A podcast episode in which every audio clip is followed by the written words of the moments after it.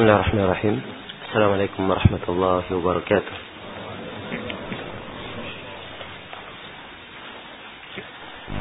الحمد لله رب العالمين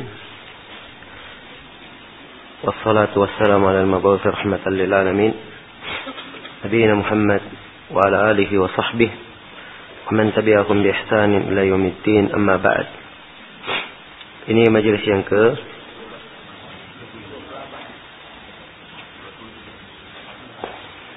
Ya, ke-28 ya.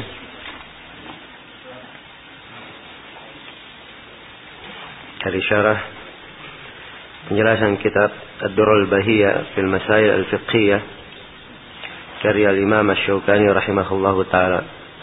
Dan pada pagi hari ini kita telah memasuki hari yang ke-8 dari Doro Fikih ini. Di majelis sebelumnya telah kita terangkan tentang definisi nadar secara bahasa dan secara istilah. Dan telah kita jelaskan tentang syarat-syarat syahnya sebuah nadar atau ia dianggap sebagai sebuah nadar ya. Baik. Imam Syaukani menguraikan kitabun nadar ini penjelasan tentang nadar ini beberapa uraian yang kita berikan atau kita garis bawahi sembilan pembahasan darinya. Nah, yang pertama tentang definisi nadar, nah ini telah kita jelaskan. Kemudian hukum nadar. Kata beliau, inna ma yasihhu idza batughiya bihi wajah Allah. Fala budda yakuna qurbatan wala nadara fi ma'siyatin. Ya, baik ini telah kita terangkan ya di syarat bahwa nadar itu hanya untuk apa? Untuk Allah. Jadi penyebutan hanya untuk Allah ini mengharuskan dia adalah sebuah ketaatan dan tidak boleh di dalam apa? Tidak boleh di dalam maksiat. Iya. Tidak boleh di dalam maksiat. Dan nadar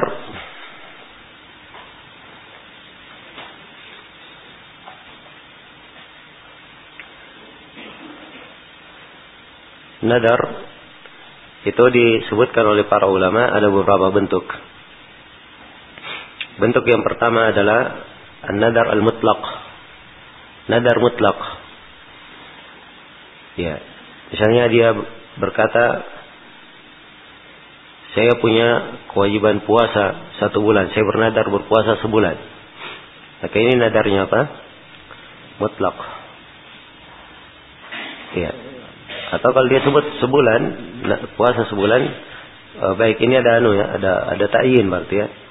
Kalau misalnya dia kata berkata apa saya punya kewajiban nadar begitu saja ini mutlak tidak ada tidak diketahui apa nadarnya saya punya kewajiban apa nadar. Maka orang yang seperti ini dia membayar kafarah. Ya, sebab kafarah nadar adalah kafarah sumpah sebagaimana yang akan diterangkan. Nadar yang kedua adalah nadar yang disebut oleh para ulama nadar karena marah atau karena bertikai.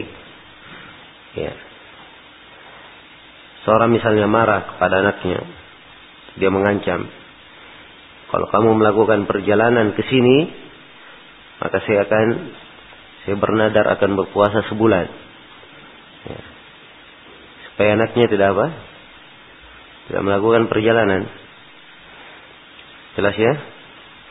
Tapi kalau anaknya melakukan perjalanan, maka ini terhitung apa? Nadar bagi orang tua. Wajib dia tunaikan. Kalau tidak, dia membayar apa? Bayar kafar. Baik. Nadar yang ke tiga adalah nadar yang mubah. Nadar yang boleh. Ya. Misalnya dia berkata saya bernadar untuk memakai baju ini. Baju. kalau dia adalah nadar yang boleh, Dia diberi pilihan antara dia melaksanakannya atau dia membayar apa? Membayar kafarah. Ini nadar yang ketiga, nadar yang mubah. Nadar yang keempat adalah nadar makruh. Nadar yang makruh. Misalnya dia bernadar akan mentalak istrinya. Ya. Maka dia sebaiknya membayar kafarah terhadap sumpahnya tersebut. Kemudian nadar yang kelima adalah nadar maksiat. Nadar maksiat. Dan ini akan diterangkan oleh Syaukani. Maksiat tidak boleh dilakukan. Tapi siapa yang bernadar dengan nadar maksiat, dia tetap membayar kafarah, wajib membayar kafarah dan ini akan dijelaskan.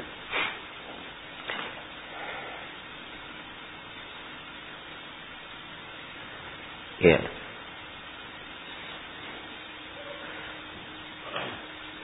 Dan nadar yang keenam adalah nadar dia melakukan kebaikan. nadar tabarrur. Ya.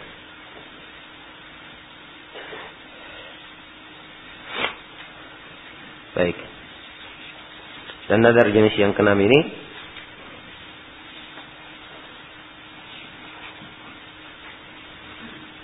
Baik, ini mungkin akan berlalu ya. Coba kita lihat pembahasannya. Baik, jadi ini enam jenis nadar. Syukani rahimahullah taala di sini menguraikan innama yasihhu idza butughiya bihi wajah Allah. Nadar itu syah kalau dia mengharapkan dengannya wajah Allah. Fala budda yakuna qurbatan wala nadara fi ma'siyah. Maka harus nadar itu sebuah qurbah dan tidak boleh nadar di dalam maksiat. Tidak boleh nadar di dalam maksiat. Iya. Yeah. Baik. Nadar itu sendiri dalam artian seorang bernadar apakah dia hukumnya mubah atau dia adalah ibadah atau dia adalah hal yang diharamkan.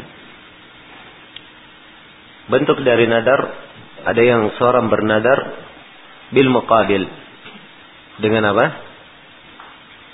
Dengan adanya permintaan darinya Misalnya kalau saya bisa haji, maka saya bernadar akan puasa apa? Satu bulan misalnya. Ini bil muqabil dan nadar yang seperti ini makruh. Dan bagi Syekhul Islam Ibn Taimiyah itu dianggap haram. Sebab hal yang seperti ini dia disebutkan dalam hadis itu inna yustakhraju minal bakhil dikeluarkan dari orang yang bakhil. Ya. Kemudian yang, ke, yang kedua ada nadar yang sifatnya kurbah semata. Sekedar apa? Dia menginginkan beribadah kepada Allah, mendekatkan diri dengan beribadah kepada Allah. Dia bernadar ingin etikaf sehari. Dia bernadar ingin puasa. Tanpa dia meminta balasan, mensyaratkan balasan. Ya.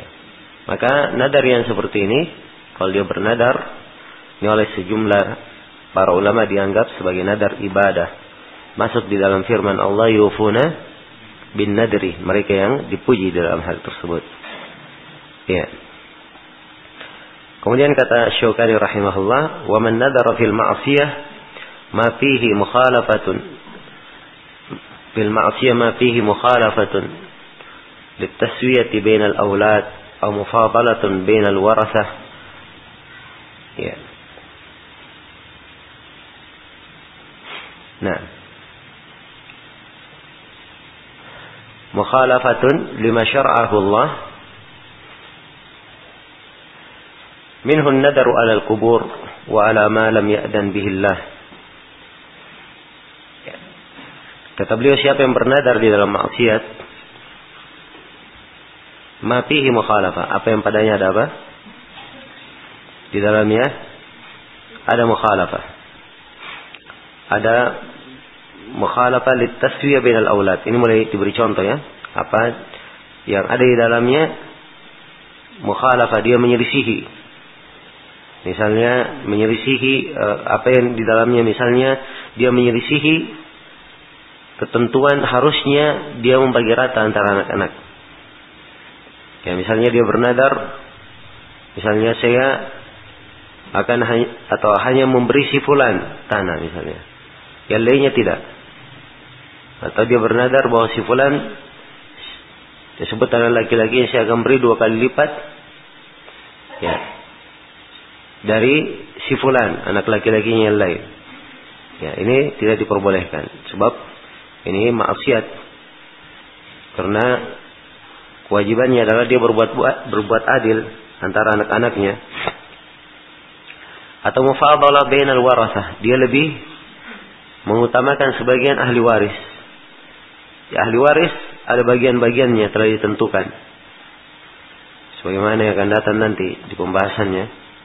Telah ditentukan. Kapan dia membuat mufadalah maka ini adalah apa? Adalah keliru. Ini dua contoh ya taswiyah dan mufadalah bainal warasah mukhalafatan lima syara'ahu Allah. Ya. Jadi minan nadri fil ma'siyah ma fihi minal mina, apa? Minan nadri fil ma'siyah dikasih contoh ma fihi mukhalafah. Itu contohnya wa mufadalah. Mukhalafatan lima syar'ahullah. Diterangkan bagaimana bentuk maksiat itu. Babit dan ukuran maksiat di dalamnya dia menyelisihi apa yang disyariatkan oleh apa? Oleh Allah. Ya, contohnya, contoh lain wa minhu dan di antaranya adalah an-nadaru alal kubur. Dia bernadar untuk apa? Hah? Untuk kubur. Nah, ini nadar maksiat. Nadar maksiat. Dan Rasulullah sallallahu alaihi wa alihi wasallam telah menjelaskan tentang nadar maksiat ini. Dalam hadis Ibnu Abbas ya Baik. Dalam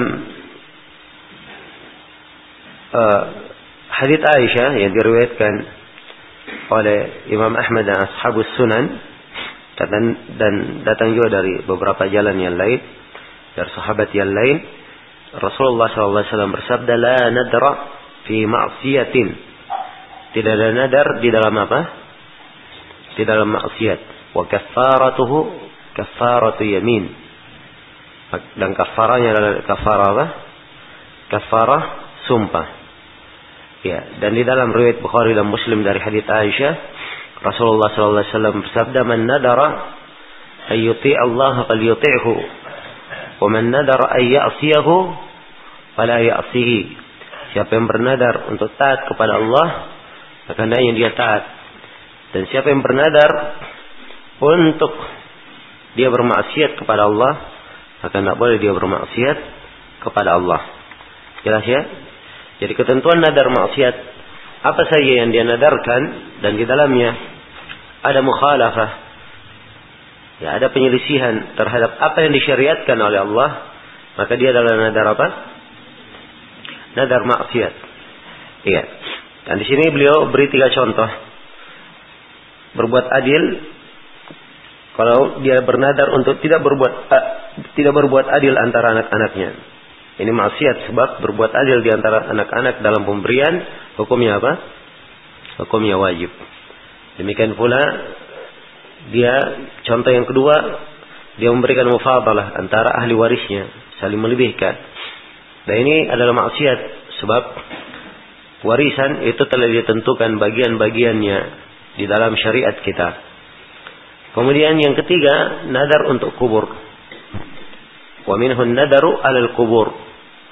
Ya. Contoh yang lain bernadar untuk apa? Ya, kubur dia bernadar misalnya apa akan datang ke kuburan atau menyembelih ke kuburan atau yang semisal dengan itu. Kemudian yang keempat wa ala ma lam ya'dan bihillah dan dia bernadar untuk apa yang tidak diizinkan oleh Allah Subhanahu wa taala. Ya, kalau dia tidak diizinkan hal itu dalam perkara yang tidak disyariatkan, maka tidak boleh dia bernadar seperti itu. Karena itu dalam hadis Ibnu Abbas ya riwayat Al-Bukhari. Nah, tatkala Rasulullah sallallahu alaihi wasallam sedang berkhutbah, maka beliau didatangkan oleh seorang yang berdiri, seorang lelaki berdiri. Ya, atau beliau melihat seorang lelaki berdiri. Maka Nabi bertanya tentang dia, siapa itu yang berdiri terus di matahari? Maka orang-orang berkata, "Hada Abu Israel." Ini orang namanya siapa? Abu Israel. Nadara an yaquma fi syams wa la yaq'ud wa la la yatakallam wa ay yasum. Dia nadar untuk berdiri di matahari, tidak boleh duduk, tidak boleh berteduh, tidak boleh bicara, dan dia berpuasa. Ya. Faqala Nabi sallallahu alaihi wasallam maka Nabi bersabda muruhu liyatakallam wal wal yastadil wal yaq'ud wal yutimma saumahu. Perintah dia untuk bicara, perintah dia untuk berteduh, perintah dia untuk duduk dan hendaknya dia sempurnakan puasanya. Sebab dari seluruh yang dia lakukan ini yang ketaatan yang mana? Hanya puasa. Yang lainnya adalah hal yang tidak disyariatkan. Ya, karena itulah dari dalil ini diambil pendalilan bahwa apa yang tidak disyariatkan oleh Allah itu adalah bentuk maksiat kalau dilakukan tidak boleh seorang melakukannya. Jelas ya? Kemudian kata beliau rahimahullah taala, "Wa man awjaba ala nafsihi fi'lan lam yashra'hu Allah, lam yajib alaihi." Wa kadzalika in kana mimma syara'ahu Allah wa huwa la yutiquh. Siapa yang mewajibkan atas dirinya sebuah perbuatan yang tidak disyariatkan oleh Allah, maka itu tidak wajib baginya. Ini kalau dia bernadar-nadar maksiat diwajibkan, maka tidak menjadi apa? Wajib baginya. Ya. Ini tentang masalah pelaksanaannya. Tapi kalau begitu dia tidak boleh mengerjakannya, tapi sepanjang dia sudah bernadar, maka ada kafar apa? Kafar sumpah yang akan kita terangkan. Ya, demikian pula kalau dia bernadar melakukan sesuatu yang disyariatkan. Ya. Dia bernadar melakukan apa? Sesuatu yang disyariatkan tetapi dia tidak punya kemampuan. Ya, tidak punya kemampuan. Nah, maka yang seperti ini ya, tidak disyariatkan dia melakukannya. Sebagaimana diterangkan dalam hadis Anas yang diriwayatkan oleh Imam Al-Bukhari dan Imam Muslim bahwa Nabi melihat seorang atau orang tua yang dipapa antara dua anaknya. Maka Nabi bertanya siapa ini? Kenapa dia dipapa oleh kedua anaknya? Maka mereka menjawab nadar ayam syia ila baitillah. Orang ini bernadar untuk berjalan ke Ka'bah. Ya. Jadi dia bernadar untuk apa? berjalan. Orang berkendaraan dia ingin berjalan dengan kakinya. Ini tidak mampu. Dia melakukannya. Maka Nabi SAW bersabda, Inna Allah anta adidi hada di nafsihi lagani. Sungguhnya Allah maha cukup, tidak perlu ya, kepada perbuatan orang ini menyiksa dirinya sendiri. Jadi itu dianggap sebagai perbuatan apa? Ya menyiksa diri. Ya, perbuatan yang menyiksa diri.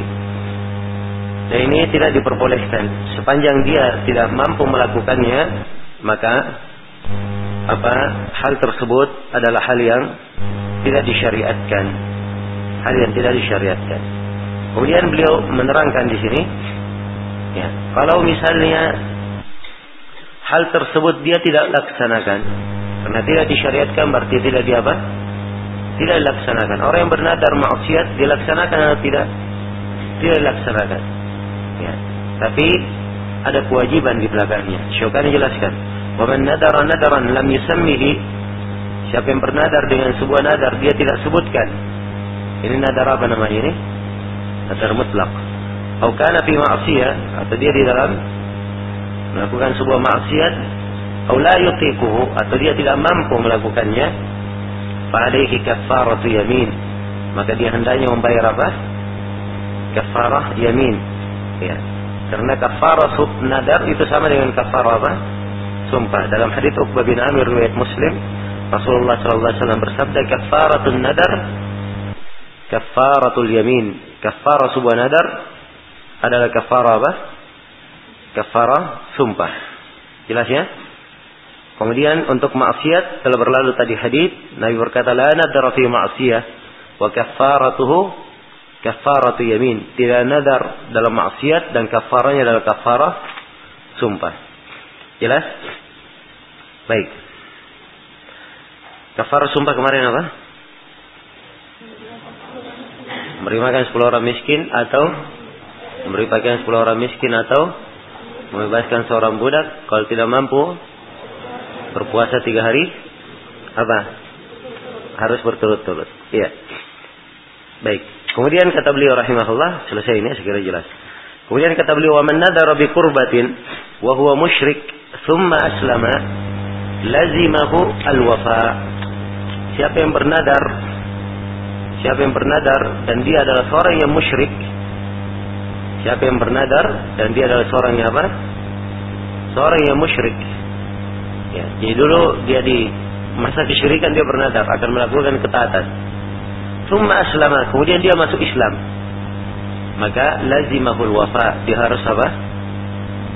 Ya memenuhi nadarnya. Ini berdasarkan hadis Umar Ibn Khattab riwayat Bukhari dan Muslim tentang kisah Umar radhiyallahu taala anhu dulu bernadar di masa jahiliyah. Umar berkata kepada Rasulullah, "Ya Rasulullah, nadartu fil jahiliyah an a'takif lailatan fil Masjidil Haram." Dia berkata, "Ya Rasulullah, saya bernadar di masa jahiliyah agar saya iktikaf satu malam di Masjidil Haram." Maka Nabi berkata, "Aufi binadrika." Penuhilah apa? Penuhilah nadarmu. Ya. Jadi disebutkan penuhilah nadarmu. Nah. Kemudian kata beliau rahimahullah wala yunfadu an-nadru illa min ats-thuluth. Ya. Dan tidak dilaksanakan nadar itu kecuali sepertiga. Ini bagi siapa yang bernadar dengan hartanya. Dia bernadar ingin bersedekah dengan harta, dengan hartanya, maka tidak boleh nadar itu laksana kecuali hanya dengan apa? Sepertiga dari hartanya. Kalau dikatakan misalnya, saya bernadar untuk mensedekahkan seluruh hartaku, maka tidak syah kecuali apa? Kecuali sepertiganya saja. Tapi pembatasan sepertiga di sini, ini apa? Adalah hal yang uh, perlu dilihat ya riwayat-riwayat yang memperkecualikannya. Ya perlu dilihat riwayat yang memperkecualikannya. Sebab Nabi Shallallahu Alaihi Wasallam ya di kisah Ka'ab bin Malik dalam riwayat Bukhari dan Muslim, Nabi tidak mengukurnya dengan sepertiga dalam riwayat Bukhari dan Muslim. Ya, penyebutan sepertiga itu di luar apa? Di luar riwayat Bukhari dan Muslim. Jadi disebutkan oleh Ka'ab bin Malik bahwa beliau berkata setelah Rasulullah SAW mengumumkan tobat Allah Subhanahu wa taala untuk Ka'ab bin Malik dan dua sahabat yang lainnya maka Ka'ab berkata ya Rasulullah inna min taubati an ankhali'a min mali sadaqatan ila Allah wa rasulih. Ya, katanya Rasulullah sungguhnya dari tobatku saya akan melepaskan hartaku sebagai sedekah untuk Allah dan Rasulnya maka Rasulullah SAW bersabda, Amsik alaika ba'da malik, fahuwa khairul laka. Kata beliau, peganglah untukmu sebagian dari hartamu. Itu lebih baik bagimu. Hanya disebut sebagian di sini, tidak disebut apa? Hanya sepertiga saja yang dikeluarkan. Nah, memang ada riwayat Ka'ab berkata, ya, setelah disebutkan sedekah maka Nabi berkata, tidak. Ya, maka Ka'ab berkata, bagaimana kalau setengahnya? Nabi berkata, tidak. Kemudian Ka'ab berkata, bagaimana kalau sepertiganya? Maka Nabi berkata, iya.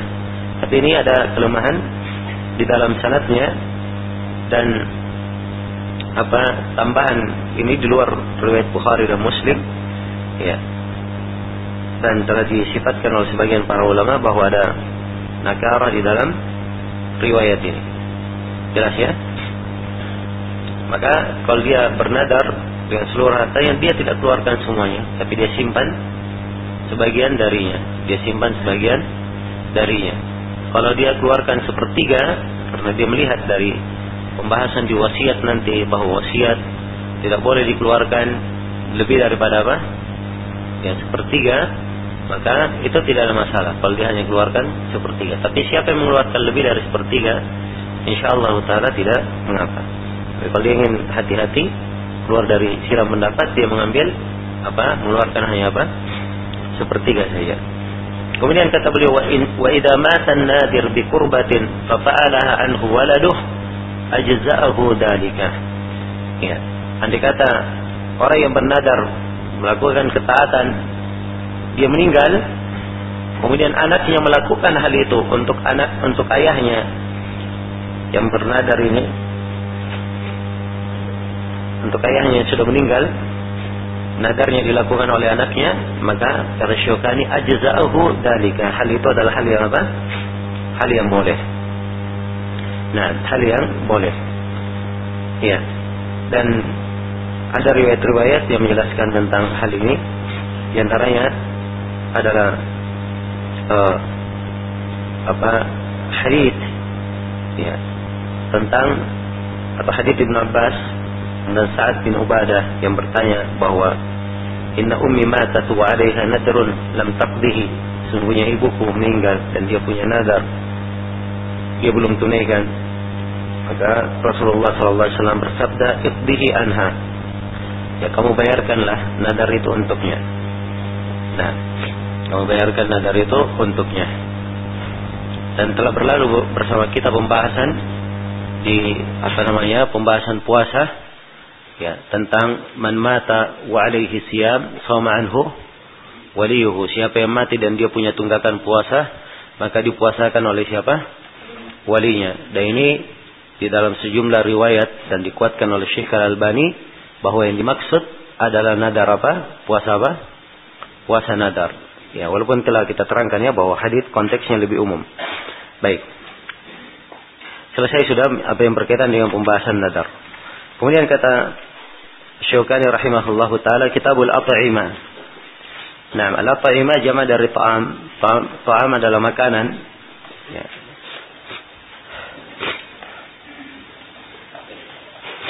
Nah, di sini ada beberapa pembahasan yang kita garis bawahi.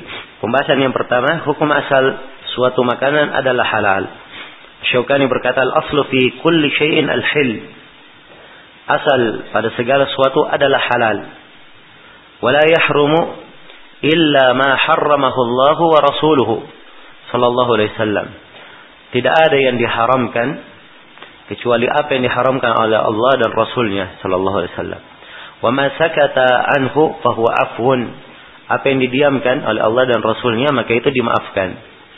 Ini hadis yang menyebutkan apa yang didiamkan itu dimaafkan ada kelemahan. Ya dan para ulama berbeda pendapat di dalam masalah apakah ada martabat ketiga ya setelah halal dan haram. Jadi ada halal, ada haram. Apakah ada martabat yang disebut dengan martabat al-afu yang dimaafkan? Ya jawabannya yang tahqiq dalam masalah ini tidak.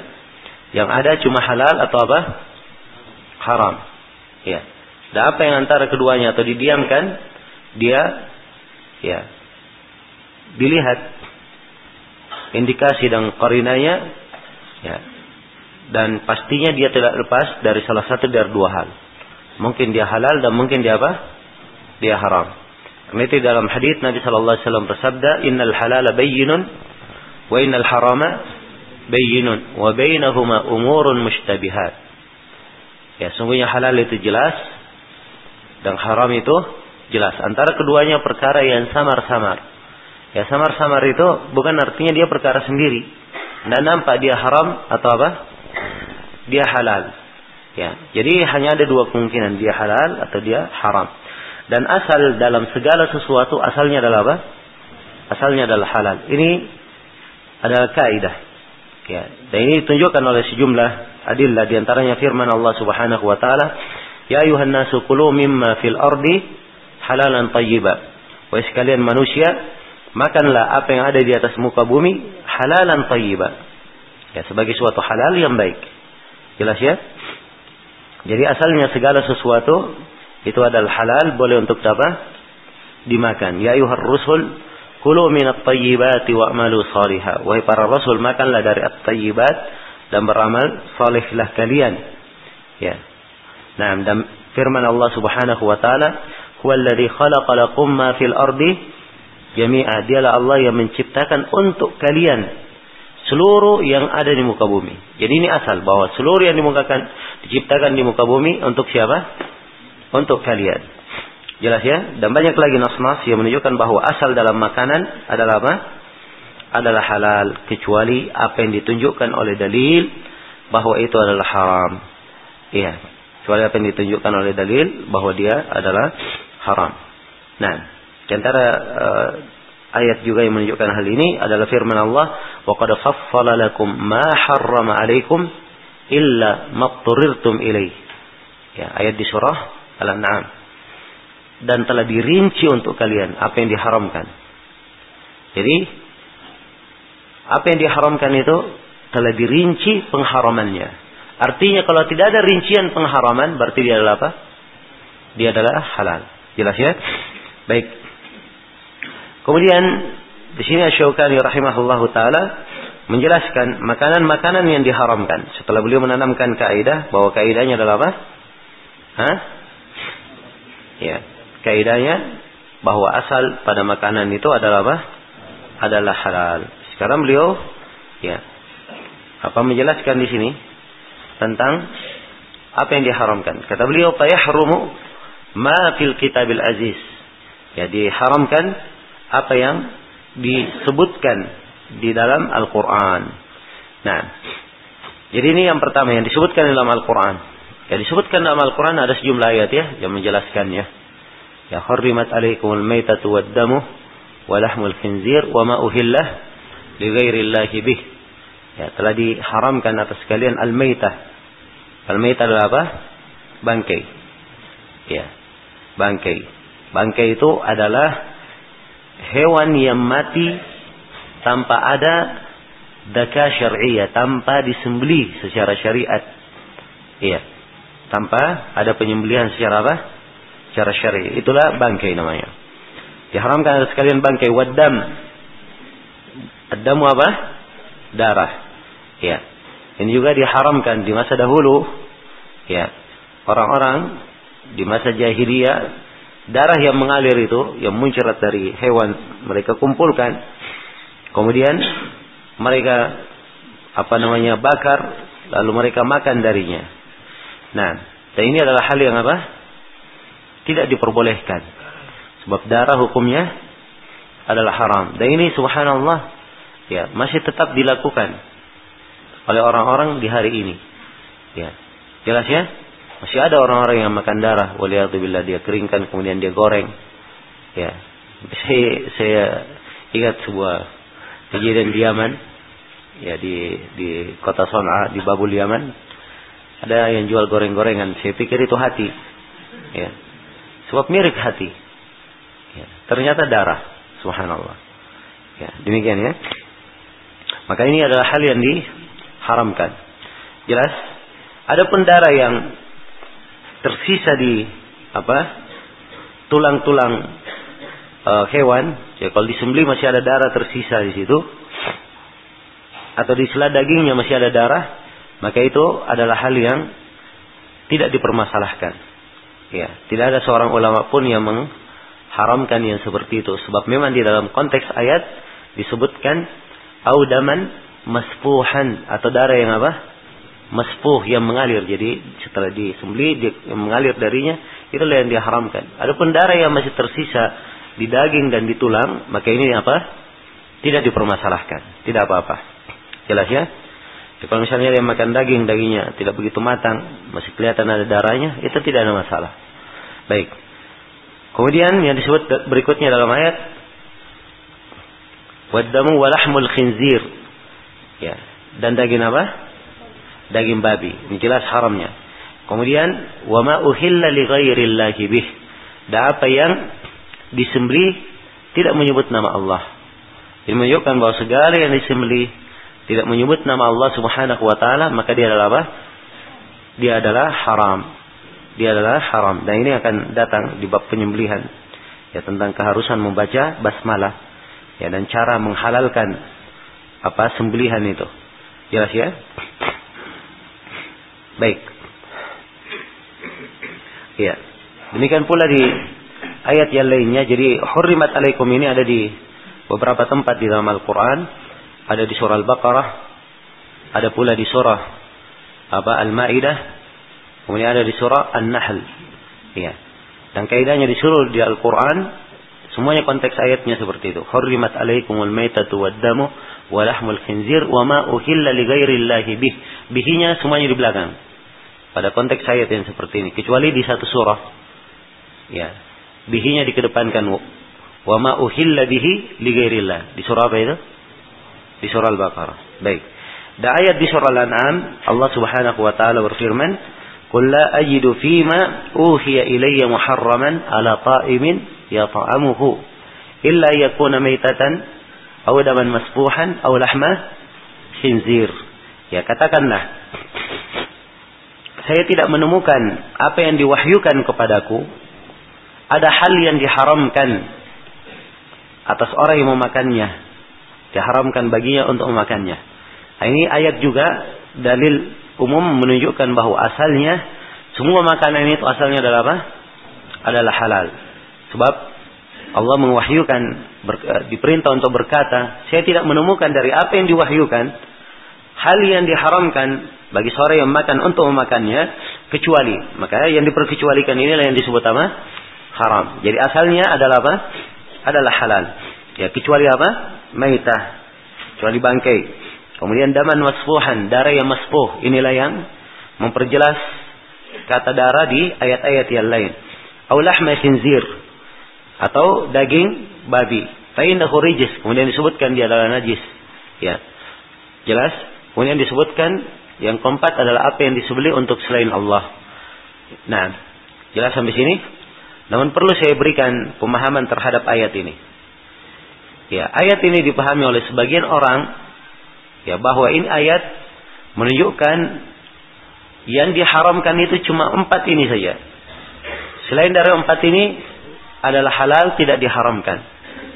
Ya jelas ya. Dan saya kira ya kita kadang mendengar dan membaca ada orang yang memberi fatwa seperti itu. Ditanya apa hukum makan anjing? Jawabannya tidak ada masalah, halal. Ya. Kenapa? Ya, sebab di dalam Al-Qur'an tidak disebutkan dari apa? Yang diharamkan. Jadi tidak ada yang haram kecuali empat saja mereka katakan. Dan ini pemahaman yang keliru. Pemahaman yang keliru. Sebab memang di dalam ayat hanya disebutkan apa? Disebut empat. Tetapi di dalam hadis Rasulullah Sallallahu Alaihi Wasallam, ya bahkan di dalam sebagian ayat Al-Quran juga telah dirinci atau telah diterangkan hal-hal lain selain daripada apa? Selain daripada empat ini. Ya, selain daripada empat ini. Maka asalnya apa yang diterangkan tersebut itu diperkecualikan. Itu harus apa? Harus diperkecualikan. Jelas ya? Sama dengan firman Allah Subhanahu wa taala wa lil insani illa ma Tidak ada bagi manusia kecuali apa yang dia upayakan. Asalnya manusia itu tidak mendapatkan amalan kecuali apa? Apa yang dia upayakan, apa yang dia usahakan, dia kerjakan di dunia. Ya. Maka kalau ada yang berbuat kebaikan untuknya amalannya sampai atau tidak? Tidak sampai itu kan asal. Ya, tapi diperkecualikan di dalam hadis-hadis. Ada yang diperkecualikan. Sedekah jariah, ilmu yang bermanfaat, anak saleh mendoakan untuknya, kemudian dia mewakafkan ya dalam bentuk rumah misalnya untuk orang-orang yang uh, berlalu lalang lewat di situ atau dia menanam sebuah pohon dan seterusnya. Ya, jelas ya? Maka perkecualian-perkecualian ini diterima. Diterima dalam apa? Dalam nas ayat. Nah, di sinilah repotnya sebagian orang, dia masuk di dalam pembahasan dan tidak mengerti kaidah-kaidah. Ya, bingung di dalam membahasnya. Ya, mereka di dalam hal ini ya hanya membaca pendapat sebagian ulama. Oh, dia baca ini pendapat ulama Hanafiyah. Hanafiyah cuma empat saja yang apa? Ya, cuman yang disebut dalam Al-Quran saya haram. Selainnya adalah apa? adalah halal. Ya. Yang jumhurul ulama selain dari yang disebut dalam ayat ada juga apa? Ada juga yang diharamkan selain dari ayat. Itu jumhur ulama, kebanyakan ulama. Ya. Dan lucunya mereka bukan orang-orang Hanafiyah. Jelas ya, tetapi ambil pemahaman dari apa? Hanafiyah. Orang-orang Hanafiyah itu punya kaidah dalam hal ini. Ya, adanya tambahan terhadap nas ayat itu artinya memansuhkan ayat. Ya, itu artinya apa? memansuhkan ayat. Dan ini kaidah mereka kaidah keliru dari asalnya. Jelas ya? Nah, bercabanglah di belakangnya banyak hal sehingga orang-orang Hanafiyah apa? Mereka berpendapat ya di antaranya seperti pendapat ini. Di antaranya seperti apa? Pendapat ini. Sebab mereka memandang adanya tambahan terhadap nas ayat itu adalah apa? Memansuhkannya. Itu adalah memansuhkan ayat tersebut. Jelas sampai sini? Baik. Dan ini adalah pemahaman yang keliru. Inilah saya sebutkan di sini akar-akar ya pemahaman yang keliru supaya dipahami. Karena itu tidak semua orang yang berdalilkan ya pas cara pendalilannya. Ya. Pas cara pendalilannya. Seperti orang yang tadi berkata halal makan anjing. Ya dalilnya apa? Dia bawakan ayat Al-Quran. Masya Allah. Ya. Tidak ada yang diharamkan kecuali ini dalam nas ayat. Berarti selain daripada ini adalah apa? Adalah halal. Ia masuk akal ya bagi siapa? Orang yang tidak mempunyai ilmu. Ya. Tapi kalau dia punya ilmu, maka dia tahu bahwa ini adalah pendalilan yang keliru. Pendalilan yang keliru. Sebab Nabi Wasallam memberikan perkecualian-perkecualian yang lain. Bahkan di dalam Al-Quran dikatakan wa alaikum dan diharamkan atas kalian apa? Al khaba'ith. Al khaba'ith ini kata lebih umum. Ya, segala yang dianggap mustahbas, dianggap jelek, dianggap menjijikan, tidak layak, maka itu masuk di dalam hal yang apa? hal yang diharamkan. Ya, empat yang disebut di dalam ayat dan selainnya. Ya, dan selainnya. Ini ayat Al-Qur'an juga. Kan begitu? Ini juga adalah apa? Ayat Al-Qur'an. Maka uh, nampak dari, dari sini kekeliruan orang yang membatasi apa yang diharamkan dari makanan hanya pada apa yang tertera di dalam ayat. Karena itu Asyukani di sini menyebutkan hal-hal yang lain. Beliau menyebutkan apa? Hal-hal yang lain. Kata beliau wa kullu dinabin minas siba. Demikian pula yang diharamkan adalah setiap yang mempunyai nab. Ya, apa itu nab? Taring. Setiap yang mempunyai taring minas siba dari apa? Dari binatang buas. Jadi dua sifatnya. Dia punya taring dan apa? Dia apa? Binatang buas. Ya, jadi kalau dia punya taring tapi bukan binatang buas, halal atau tidak? Hah? Dia adalah halal. Jelas ya? Nah, baik. Jelas ya, dia adalah halal sepanjang tidak ada dalil lain yang apa? Yang menunjukkan dia haram. Ya. Dan dalil tentang hal ini adalah hadits Ibnu Abbas riwayat Muslim. Beliau berkata, "Naha Rasulullah sallallahu alaihi wasallam an kulli dinabin min as-siba wa kulli di mikhlabin min at-tayr." Ya, inilah yang disebut oleh Syukani setelahnya ya. Wa kullu di mikhlabin minat tair. Setiap yang mempunyai apa? Mikhlab. Ya, yang mempunyai cakar dari at-tair dari apa? Dari burung. Ya, kalau burung itu punya mikhlab, dia punya cakar dan dia memansa dengannya, inilah yang dikatakan apa? Ya, burung yang mempunyai mikhlab. Jadi ini dilarang dua dalam hadis. Nabi melarang dari kullu dinabi minas siba.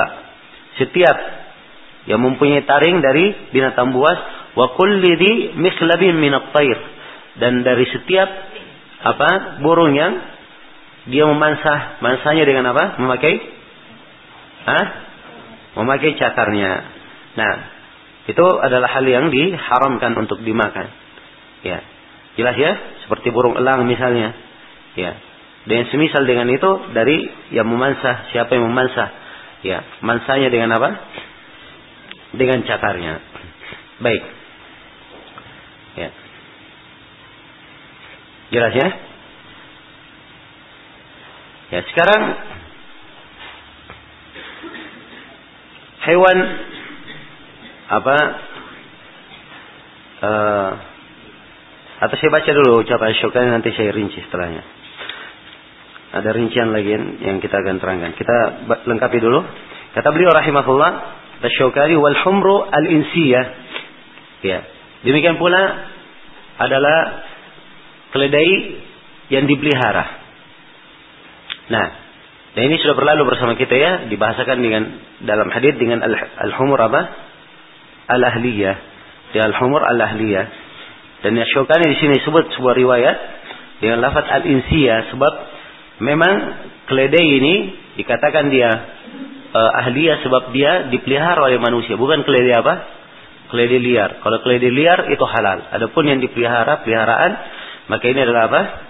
Ini adalah haram. Pengharamannya disebutkan di dalam sejumlah naf dalam hadis riwayat Bukhari dan Muslim dari Bara bin Azib dari bin Umar ya dan selainnya dari para sahabat yang menjelaskannya. Kemudian kata beliau wal jallalah qabla al istihalah. Demikian pula diharamkan al jallalah sebelum dia istihalah. Ya, jallalah itu adalah hewan yang kebanyakan makanannya dia konsumsi dari najis. Dia makan dari makanan apa? Dari makanan yang najis. Itu disebut jalala. Apa saja dari hewan. Apakah onta, kambing, ya. Apa ikan misalnya. Kalau dia kebanyakan makannya dari apa? Dari najis, maka itu disebut apa? Jalala. Jadi jalala ini dia tidak dihalalkan sebelum dia diistihala. Ya bagaimana cara istihalanya? Ya. Jadi kalau dia sudah misalnya makan dari yang najis, maka misalnya onta, maka dia dikurung ya di sebuah tempat dan dia diberi, makan dari yang halal saja selama beberapa hari. Ya, setelah dia makan dari makanan yang halal selama beberapa hari, barulah apa? Dia menjadi halal. Ya demikian. Demikian pula ikan, kalau dia hidup, misalnya di ikan tempat najis semuanya, ya seperti yang dimaklum ya, kadang Ya, ada sebagian dari ikan seperti itu. Seperti ikan apa? Ikan gabus. Hah? Ya, ikan lele. Ya, ada semua lele ya. Nah, sebagian. Nah, jadi kalau lele itu sudah dipisah ke mana? Dia dipisah ke kolam sendiri dengan air yang bening. Ya, selama berapa hari disimpan di situ, maka dia telah apa? Telah bersih kembali. Nah, ini yang dimaksud oleh Syaukani. Tapi pendalilannya telah syah sejumlah hadis yang menunjukkan bahwa diharamkan untuk makan dari jallalah. Di antaranya hadis yang diriwayatkan oleh Ibnu Umar ya apa diriwayatkan oleh Imam Ahmad Abu Dawud Ibnu Majah Tirmidzi dan selainnya dari Ibnu Umar di mana Rasulullah sallallahu alaihi wa alihi wasallam naha an aklil jallalah wa albaniha. Nabi melarang dari makan jallalah dan meminum apa? susunya. Jelas ya? Maka ini nampak bahwa hal ini menunjukkan apa? Menunjukkan haramnya. Menunjukkan haramnya. Akan tetapi, ya Syukani berkata qabla istihala Sebelum apa? Sebelum istihala. Jadi kalau dia sudah istihala, ya sudah apa namanya makanannya bersih lagi, ya maka asalnya ilah yang dia dilarang dengannya sudah apa? Sudah hilang. Ya, ilahnya kenapa dilarang? Karena dia makan dari apa? Najis. Kebanyakan dari najis dia makan. Begitu dia tidak makan lagi dari najis, sudah makan dari yang halal selama beberapa hari, maka ini dia sudah sama dengan apa? Hewan yang lainnya. Karena itu dia sudah menjadi halal. Baik, itu sisi pendalilan Imam Syaukani rahimahullah. Kemudian kata beliau di antara hewan yang diharamkan adalah al-kilab. Adalah apa? Adalah anjing. Ya, dan anjing ini tidak ada silam pendapat di kalangan para ulama yang dihitung pendapatnya menurut Asyukani. Yang dihitung apa? Pendapatnya tentang haramnya makan anjing ini. Karena Nabi Shallallahu Alaihi Wasallam telah berlalu di pembahasan jual beli. Nabi melarang dari apa? Memakan harga anjing. Ya, jadi kalau dilarang memakan harga anjing, maka ini menunjukkan dia dilarang memakan apa? Memakan dagingnya. Dan anjing ini dari mustahbah. Hal yang dianggap apa? Khabith dan menjijikkan dan Allah Subhanahu wa taala telah berfirman wa khurrimat alaikum al khaba'ith dan diharamkan atas kalian al khaba'ith. Iya, jelas? Kemudian berikutnya kata beliau wal hir. Al hir adalah kucing, dilarang memakan kucing.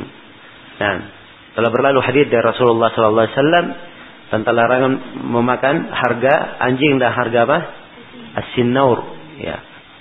Harga kucing, ya. Maka ini menunjukkan hal tersebut tidak boleh dimakan. Nah, memang ada hadis khusus yang langsung menjelaskan tidak boleh makan kucing dan memakan harganya, tapi ada kelemahan di dalam sanatnya. Maka apa yang telah lalu itu sudah cukup. Ya, apa yang telah lalu telah cukup di dalam hal ini. Baik. Dan tidak ada perbedaan di dalam hal ini dalam masalah haramnya memakan kucing antara kucing liar maupun kucing apa peliharaan. Baik. Menurut pendapat yang terkuat ya. Adapun orang-orang Syafi'i ya kadang mereka halalkan kalau kucing liar mereka apa? Halalkan. Ya, sebagian dari mereka. Sebagian dari orang-orang Syafi'i, tapi yang benarnya semua dari kucing itu haram untuk dia apa? Dimakan. Kemudian yang terakhir ya kata Syukani beliau kasih kaidah umum, "Wa ma kana Dan apa yang dianggap khabith. Ya dianggap apa? Khabith. Khabith ini yang dianggap khabith itu adalah sesuatu yang dianggap menjijikkan dan dianggap apa? Jelek oleh manusia. Itulah apa? Khabith. Ya, jelas ya? Apa saja dari yang khabith ini, maka itu adalah haram untuk dimakan. Haram untuk apa? Dimakan. Karena itu para ulama syaratkan bahwa istikdarnya menganggap khabithnya ini ini di kalangan orang yang mempunyai apa? Tabiat yang masih selamat atau yang masih di atas fitrahnya. Ya. Jelas? Kalau dia punya kelahiran sendiri, maka ini lain lagi masalahnya. Ya. Ada orang menganggap oh ini menjijikkan bagi saya. Makan cacing. Menjijikkan bagi saya. Itu kebanyakan orang menjijikkan. Dia sendiri bilang, oh kalau saya nggak ada masalah. Ya, saya mau goreng, saya mau masak, nggak ada masalah. Ya, jelas ya? Maka itu adalah orang yang apa? Ya, pembawaannya sendiri berbeda dengan kebanyakan manusia. Jelas ya? Karena itu kalau misalnya ada sebagian orang yang mengatakan, oh ini di penduduk ini, ya penduduk ini semuanya makan cacing misalnya. Ada cacing-cacing khusus mereka makan, yang mereka anggap apa? Bagus. Dan ini ada ya pada ya sebagian tempat ya setahu saya apa di mana itu dengar mana itu Hah? Kenapa? Ada di Indonesia? Tidak ada kan? Di mana itu tempatnya? Oh begitu. Ya khair Allah. Ya. Andai kata ada, maka ini orang yang apa namanya? sudah keluar dari fitrah kebanyakan manusia. Ya. Jelas ya? Kalau memang ada yang melakukan hal itu. Oh ini penduduk negeri ini kebiasaannya begitu. Sebab mereka terbiasa di atas hal yang apa? Salah, hal yang jelek akhirnya terbiasa dengan hal itu. Ya, bukan dengan kebiasaan mereka yang sudah berubah dari kebanyakan manusia itu merubah hukum menjadi apa? Menjadi halal. Tidak asalnya cacing itu adalah apa? Mustahbath tidak dimakan. Karena itu dia adalah hal yang apa? Hal yang diharamkan, hal yang diharamkan. Demikian pula sebagian orang yang kadang ada menjual apa namanya cacing yang sudah menjadi tepung, sudah menjadi obat ya untuk penyakit tipes atau yang semisal dengannya. Ya walaupun dia katakan ini mujarab terbukti ya dan lain sebagainya, tetap hukumnya adalah apa? Hukumnya adalah haram. Allah tidak menjadikan ada obat dari hal yang diharamkan, ya. Dan banyak kalau ingin berobat dari tipes banyak sekali obat, ya. Jelas ya?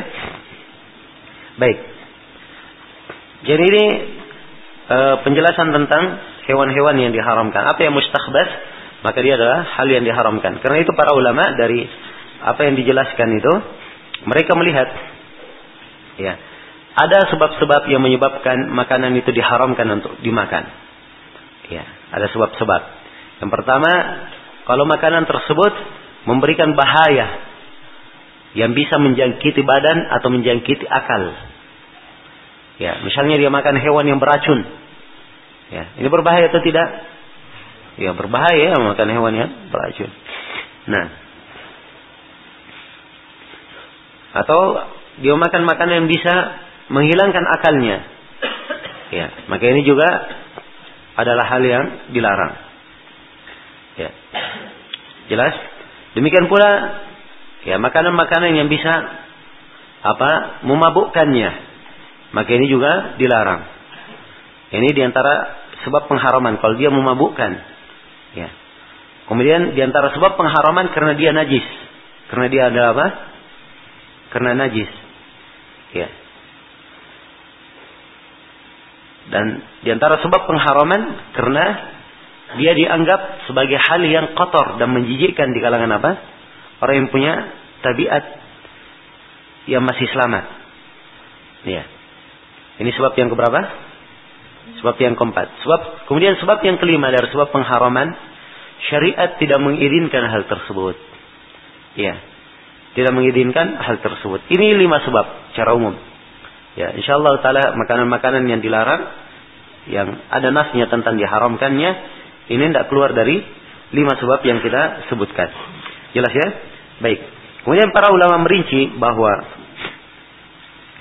hewan yang dimakan itu ya atau yang dimakan makanan yang dimakan yang dibolehkan itu terbagi dua. Ada hewan dan ada apa? Ada tumbuhan. Ada hewan dan ada apa? tumbuhan. Tumbuhan itu ada biji-bijian dan ada buah buahan. Jelas ya? Ketentuan umumnya pada seluruh hewan, hewan dan makanan ini itu tadi yang kita sebutkan asalnya dia adalah apa? Halal. Kecuali kalau ada sebab-sebab pengharaman yang kita sebutkan tadi, maka dia menjadi apa? Menjadi haram. Jelas ya? Khusus untuk hewan, hewan itu terbagi dua. Ada hewan yang hidup di darat dan ada hewan yang hidup di mana? Hidup di laut. Iya. Ada hewan yang hidup di laut. Nah, hewan yang hidup di laut, ya. Hewan yang hidup di laut, ya dan laut di sini masuk di dalamnya laut yang berair garam maupun berair tawar. Semuanya dihitung apa? laut di dalam bahasa Arab. Sebab kata al-bahr itu adalah mestah apa apa yang sangat banyak sekali airnya. Itu disebut dengan kata apa? Al-bahr. Walaupun ya pengarahannya dari sisi urf yang dimaksudkan adalah apa? Adalah air yang asing itu. Ya, jelas ya.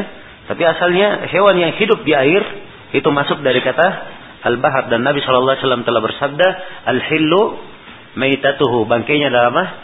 bangkainya adalah halal. Jadi kalau bangkainya saja halal, berarti dia adalah apa? Dia adalah halal kalau ditangkap. Ya karena itulah para ulama menyebutkan bahwa seluruh hewan yang hidup di air maka dia dihitung apa? Dihitung halal. Ya karena itu terkait dengan anjing laut. Ya apakah halal atau tidak? Jawabannya halal sebab ya dia dikatakan anjing laut ya itu kata anjingnya saja yang sama dengan anjing apa? dan di darat. Tapi hakikatnya dia adalah hewan apa? Hewan laut. Jelas ya? Ya, dan ada hewan laut yang bertaring tentunya. Ya, ada atau tidak? Ya, ada yang bertaring dari hewan laut. Bersamaan dengan itu, ya tidak ada dari para ulama yang memfatwakan dia apa? Dia adalah haram. Seperti kan apa? Hah? Hah? Kan Kalau buaya gimana hukumnya? Nah, Ya, buaya ini ini dua pendapat di kalangan para ulama. Apakah dia masuk ke mana? Ya, dan yang benarnya bahwa buaya ini dia karena dia terhitung sebagai hewan air, maka dia adalah apa? Dia adalah halal. Jelas ya?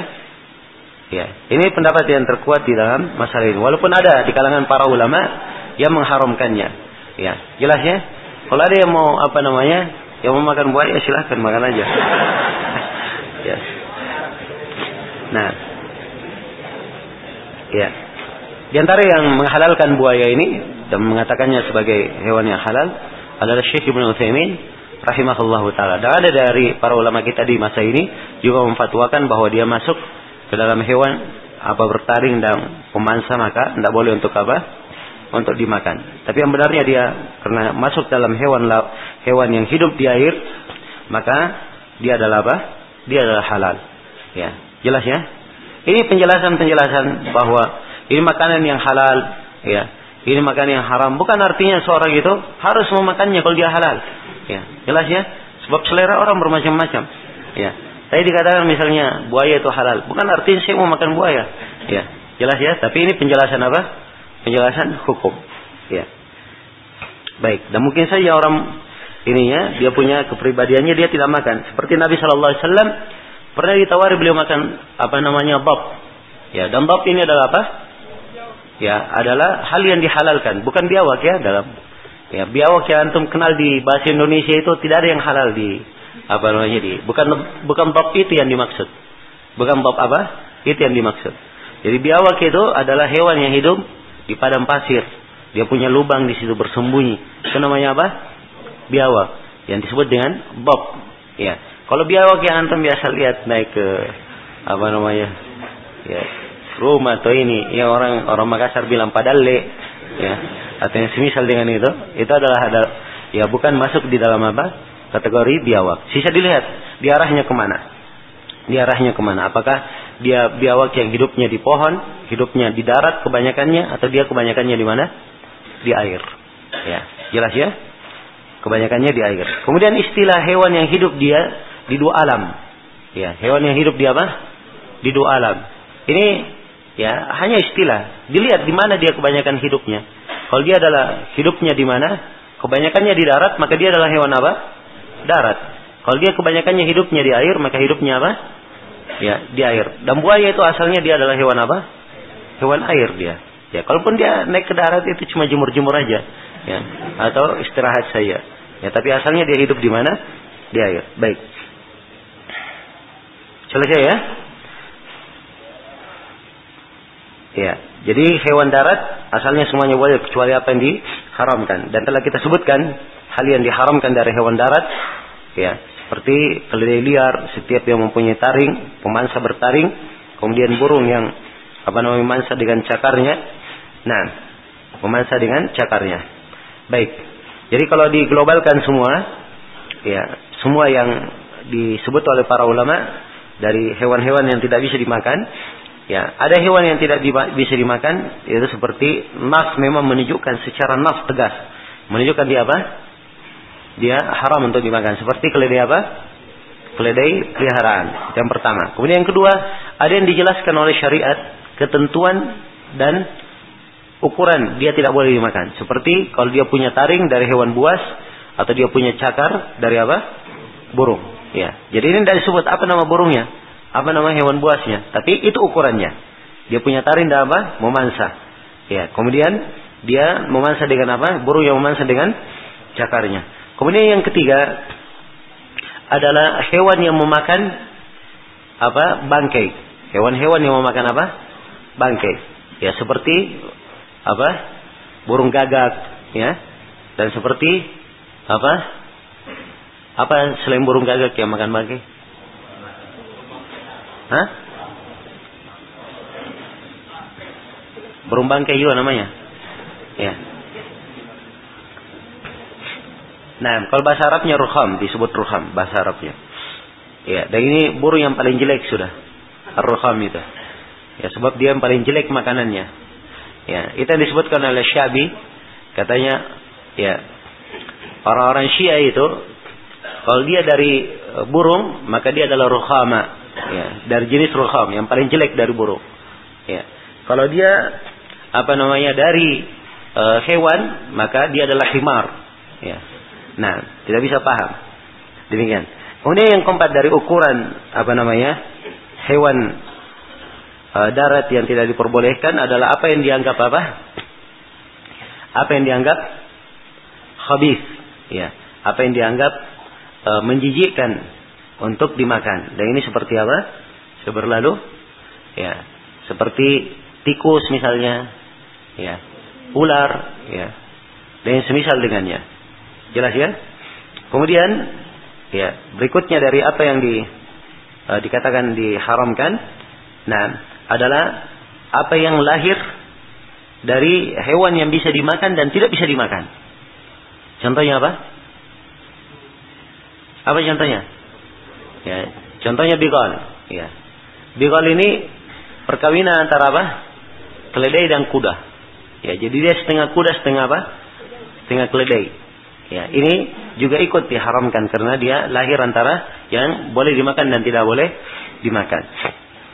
Kemudian yang ke berapa? Yang keenam adalah hewan yang diperintah oleh syariat untuk dibunuh atau hewan yang dilarang untuk dibunuh. Maka ini semuanya tidak boleh apa? Tidak boleh dimakan. Ya, jadi kalau misalnya diperintah oleh syariat kemarin membunuh apa? Ya, di pembahasan haji membunuh apa? membunuh al-fawasik. Lima al-fawasik. Maka seluruh dari al-fawasik ini tidak boleh apa? Tidak boleh dimakan. Ya, demikian pula Syah dalam sebuah riwayat hud-hud membunuh hud-hud itu tidak diperbolehkan. Nah, tidak ada hewan-hewan yang dilarang untuk dibunuh. Hewan-hewan yang dilarang untuk dibunuh, maka itu juga tidak boleh untuk dimakan. Seperti ya dilihat ya sebagian ada hewan ada ada hadis yang menjelaskan tentang larangan membunuh apa? Membunuh kodok. Ya. Maka ini menunjukkan bahwa dia haram untuk dia apa? Dimakan. Nah, tapi saya tidak menghadirkan sekarang derajat dari hadis tentang membunuh kodok ini. Seingat saya kemarin ada syah riwayatnya. Ya. Cuman di, perlu di, di kembali ya. Dilihat kembali. Baik. Kemudian jadi nampak dari sini bahwa itu adalah kaidah-kaidah dalam menentukan yang mana hewan-hewan darat yang tidak boleh dimakan. Ya, sampai sini saya kira selesai ya. Apa yang dianggap halal ya di dalam masalah makanan boleh dimakan dan apa yang dianggap haram. Jadi setelah menguraikan apa yang diharamkan, Imam Syaukani kembali kepada kaidah asal. Kata beliau, "Wa ma ada dzalika fa huwa halal." Selain daripada itu dianggap sebagai apa? Hal yang halal. Baik, kemudian kata beliau rahimahullah taala dalam pembahasan berikutnya bab sayd. Bab tentang hewan buruan. Nah. Ya, as-sayd itu masdar dari kata fada yasidu faidan. Ya, dan sayd itu artinya dia memburu hewan. Ya, memburu hewan. Nah, menjebaknya secara tiba-tiba. Ya. Jelas? Ya, ini yang dimaksud dengan as-sayd. Nah. Dan as-sayd itu kaitannya dengan hewan yang halal. Tapi dia agak liar. Secara tabiatnya liar. Hewan tersebut. Ya. Maka itu yang dikatakan kalau dia diburu dikatakan apa? Sebagai sayd. Dianggap sebagai sayd. Nah, sayd ini adalah hal yang diperbolehkan. Adalah hal yang diperbolehkan dalam Al-Quran. Wa idha halaltum fastadu. Apabila kalian telah halal, silahkan kalian apa? Berburu. Berburu adalah boleh. Dia diharamkan di masa apa? Di masa ihram, di masa haji. Begitu selesai haji, maka diperintah untuk berburu. Fastadu, maka perintah ini menunjukkan apa? Menunjukkan mana apa? Wajib atau? Hah? Kenapa boleh? Perintah. Asal perintah menunjukkan apa? Wajib. Tapi di sini perintahnya setelah apa? Setelah dia dibolehkan, kemudian dilarang, kemudian dibolehkan. Bolehnya dengan perintah. Maka perintah kalau dia sebelumnya dibolehkan, maka dia kembali kepada asal sebelum dilarangnya. Jadi asal sebelum dilarangnya perintah ini adalah apa? Dia adalah boleh. Maka asalnya dia adalah boleh. Nah, dan firman Allah Subhanahu wa taala, "Wa ma 'allamtum minal jawarih mukallibina tu'allimunahunna mimma 'allamakumullah." Fakulu mimma amsakna 'alaikum wadhkuru smallahi 'alaih. Ya. Dan di antara yang dihalalkan untuk kalian adalah apa yang kalian ajari. Ya, minal jawarih. Apa dari apa? al-jawari, hewan-hewan yang bisa memburu dengan melukai. Ya, melukai hewan buruannya. Mukallabina. Ya, tuallimunahunna yang kalian ajari mereka mimma 'allamakumullah. Dari apa yang Allah ajarkan kepada kalian. Ya. Jadi hewan yang seperti ini kita dikatakan fakulu mimma amsakna. Makanlah apa yang ditangkap oleh mereka. Smallahi alaih. Dan sebutlah nama Allah terhadapnya. Jelas ya? Sebutlah nama Allah terhadapnya. Dan di dalam hadis yang diriwayatkan oleh Imam Al-Bukhari dan Imam Muslim, Rasulullah sallallahu alaihi wasallam bersabda, "Idza arsalta kalbaka al-mu'allam wa dzakarta smallahi alaihi fakul." Kalau kamu sudah mengirim anjing yang terlatihmu dan kamu sudah sebut nama Allah terhadapnya, maka apa? Makanlah hasil buruannya. Maka makanlah hasil buruannya. Baik. Jelas ya? Maka ini di antara dalil yang menunjukkan disyariatkannya memburu, ya, dan apa namanya dia di antara cara yang halal untuk mendapatkan apa? Mendapatkan makanan. Ya, baik disebutkan di sini oleh Syaukani rahimahullah. Ya, dan kita catat di sini ada empat pembahasan. Yang pertama ketentuan hewan buruan yang halal. Kata beliau wa ma'sida bisilahil jarih wal jawarih kana halalan idza dukira rasmullahi alaihi Wa maqsida bighairi dalika fala budda min at-tazkiyah. Fala budda min apa? Min at-tazkiyah. Ya. Sini kata beliau maqsida bisilah. Apa yang disida, apa yang diburu ya dengan dengan silah dengan apa? Hah? Dengan senjata. Ya. Apakah dengan panah atau dengan tombak? Ya. Jelas ya? wal jawarih dan hewan-hewan yang memburu, yang bisa melukai. Ini seperti apa? Seperti anjing misalnya atau seperti ah, elang misalnya kalau dia didik laki elang itu. Ya, jelas ya? Kalau dia didik elang atau hewan apa saja, ya. Kalau dia punya singa misalnya singanya dia latih, ya. Ya. Ya terlatih dia buru sesuai dia kehendaknya, dia ajari bagaimana ini ya ya cara memburunya, maka tidak ada masalah. Yang penting apa? Dia adalah hewan yang apa? Hewan yang terlatih. Hewan yang terlatih. Jelas ya? Karena halalan. Dia adalah apa? Dia adalah halal. Tapi ada ketentuan-ketentuannya. Idza dzukira rasmallahi ya idza dzukira alaihi ismun di sini ya. Apabila disebut atasnya nama Allah Subhanahu wa taala. Ya, idza dzukira alaihi ismullah. Apabila disebut nama Allah di atasnya. Ada yang jatuh kelihatannya di cetakan kita ini. Idza dzukira alaihi apa? Ya harus ada ismullah di situ ya, ada tambahan Allahnya. Seingat saya ada tambahan memang di manuskrip. Ya, baik. Di sebagian cetakan idza dzukira rasmullahi alaihi, begitu sebagian cetakan. Tapi kalau di manuskrip alaihi yang dikedepankan. Baik, apabila disebut nama Allah. Jadi demikian caranya. Apa yang halal kalau dia diburu dengan apa menggunakan apa? Ya. Dengan menggunakan senjata yang bisa melukai atau dia menggunakan apa? Hewan buruan. Jelas ya? Jadi misalnya dia memanah seekor burung, dia membaca bismillah, maka itu adalah apa? Itu adalah halal. Tapi ingat, bismillah al-jari. Ya. Dia adalah uh, senjata yang apa? Bisa melukai. Kalau tidak melukai, maka apa? Itu tidak tidak dianggap syah. Karena itu Nabi melarang dari al-qadaf. Ya. Apa Nabi melarang dari al-hadaf? Ya, apa ya? Nabi melarang dari al-hadaf dalam hadis Abdullah bin Mughaffal riwayat Bukhari dan Muslim. Hadaf itu apa namanya? Di dihantam pakai lemparan atau dia pakai ketapel saja. Ya. Ini dilarang menggunakannya. Sebab dia tidak membunuh ya hewan tersebut dan tidak apa? Tidak pula melukainya. Jelas? Tidak melukainya. Sama dengan musuh juga pakai pakai hadaf juga enggak ini.